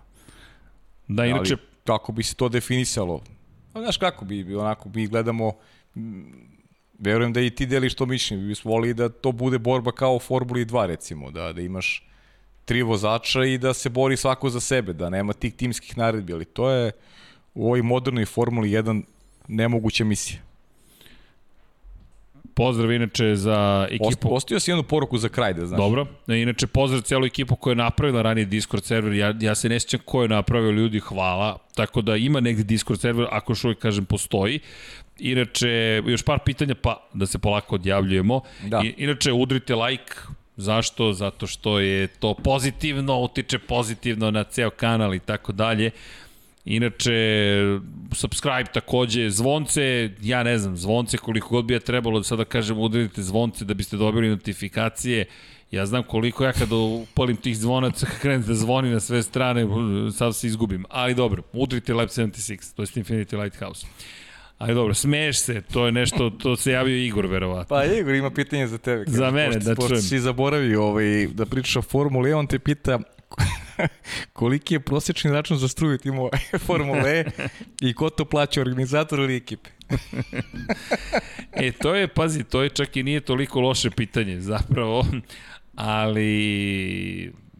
E, da, McLaren u Extreme E, Uh, nemojmo to zaboraviti, to je isto nekoliko ljudi spomenulo, da je McLaren ušao u šampionat, to je naredne godine će se pridružiti Extreme E šampionatu sveta, što je to je opet interesantno, dakle, razvoj, prosto radi se o električnoj seriji Igore, off-road je u pitanju i tamo možete da pratite duele između Nika Rosberga i Luisa Hamiltona kao šefova timova, ali ovde e, ekipa čini mi se da isto ne, ne, ne, ne podržava električne formule, mene jedino zabavljaju izgleda, kako god McLaren ode u Extreme E, tako da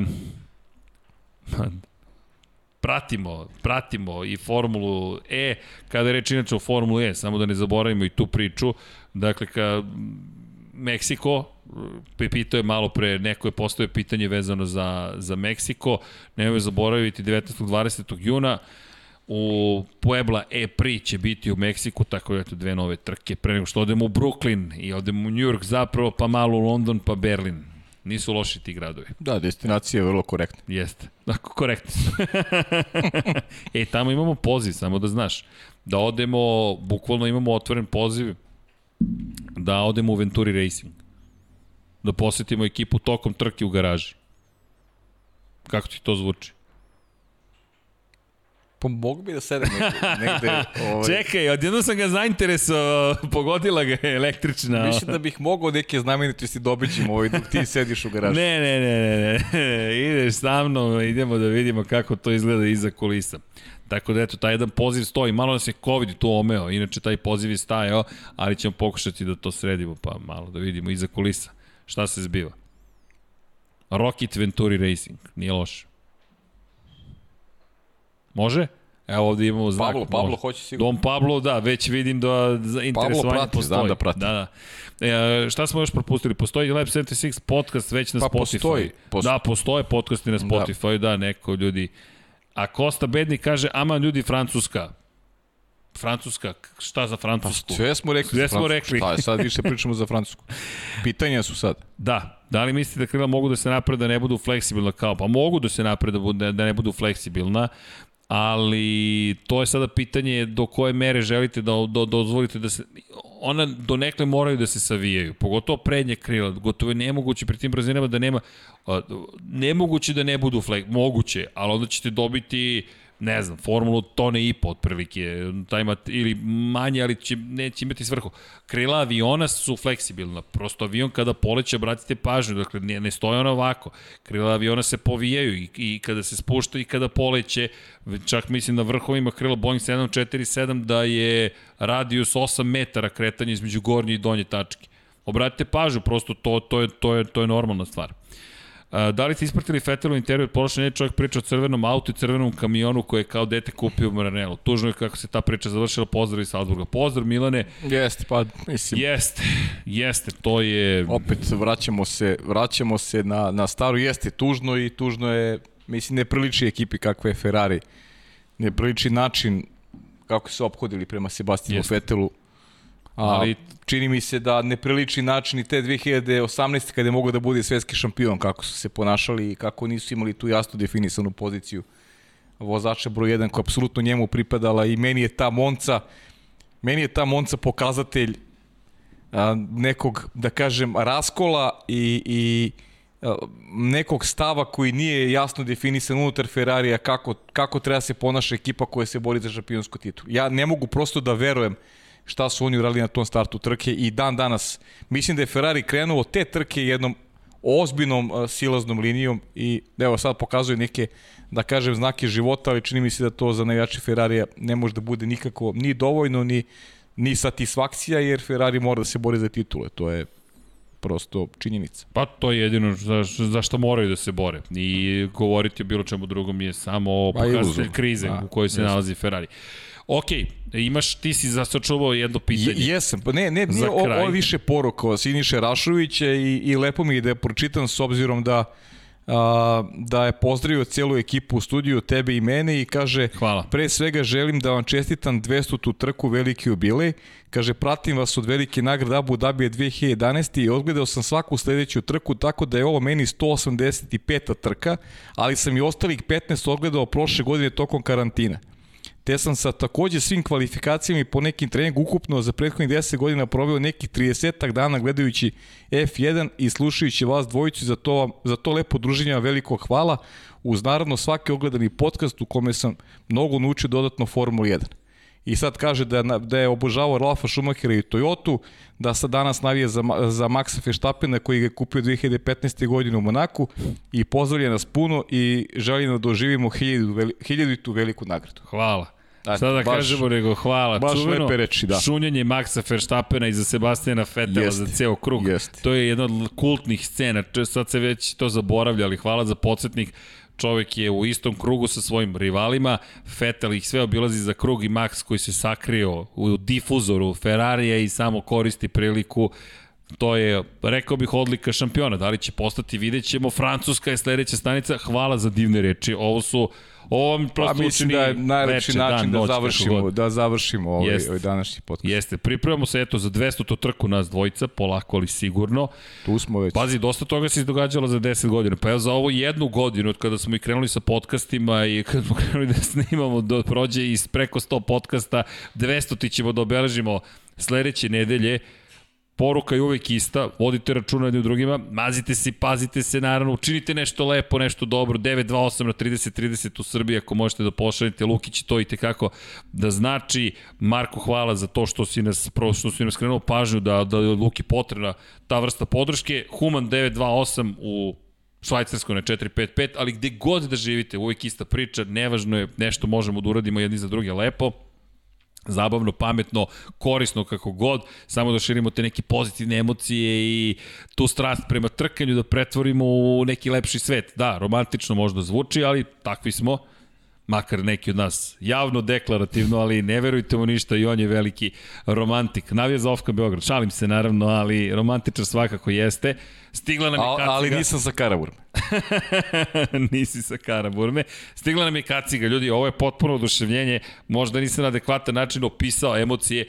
Ljudi, ovo je autentična belova kaciga. Bukvalno se radi o kacigi koju koristi Lewis Hamilton prilikom trkanja i njegov potpis je na viziru. Zašto je teaser? Pa ne možete manji da, da skratite teaser kada je reč o ovakvoj kacigi, ali pričat ćemo u budućim Lab 76-ovima o tome kako doći do kacige, poklonit ćemo je nekome od vas, kao i ostali kacige što ćemo da ispoklanjamo, prosto moramo, to smo i dali kao reč, na vama je šta ćete posle da radite s tim kacigama, na foliju se potpisao i nije ni inače glavi bila, niti će biti, ima naravno i kačenje za Hans, oduševljeni smo što smo dobili priliku da je, da je dobijemo, držimo u ruci i idemo na nazad u zaštitnu zapravo sada pa opremu možemo reći i u kutiju i stiropor i sve, samo da je sačuvamo. S druge strane, hvala još jednom što ste nas pratili, što ste sa nama. Hvala gošći, hvala gostu koji nam je došao, hvala svima. Vanji posebno je Dom Pablo Ivanu, stiže novi web sajt, stižu trke, tri trke za redom, sutra MotoGP podcast, sve ćemo to da pripremimo i da ne čak, ne čak ne da uradimo, prosto da uživamo u ovome što, što radimo u studiju, ajde radimo, što se događa u studiju na kraju univerzuma i naravno pozdrav Heda i za Vartu i naravno budite uz nas i pratite Lab 76 i kao i uvek što kažemo mazite se pazite se i naravno Ćao svima. Ćao svima ljudi. Lepo spavite.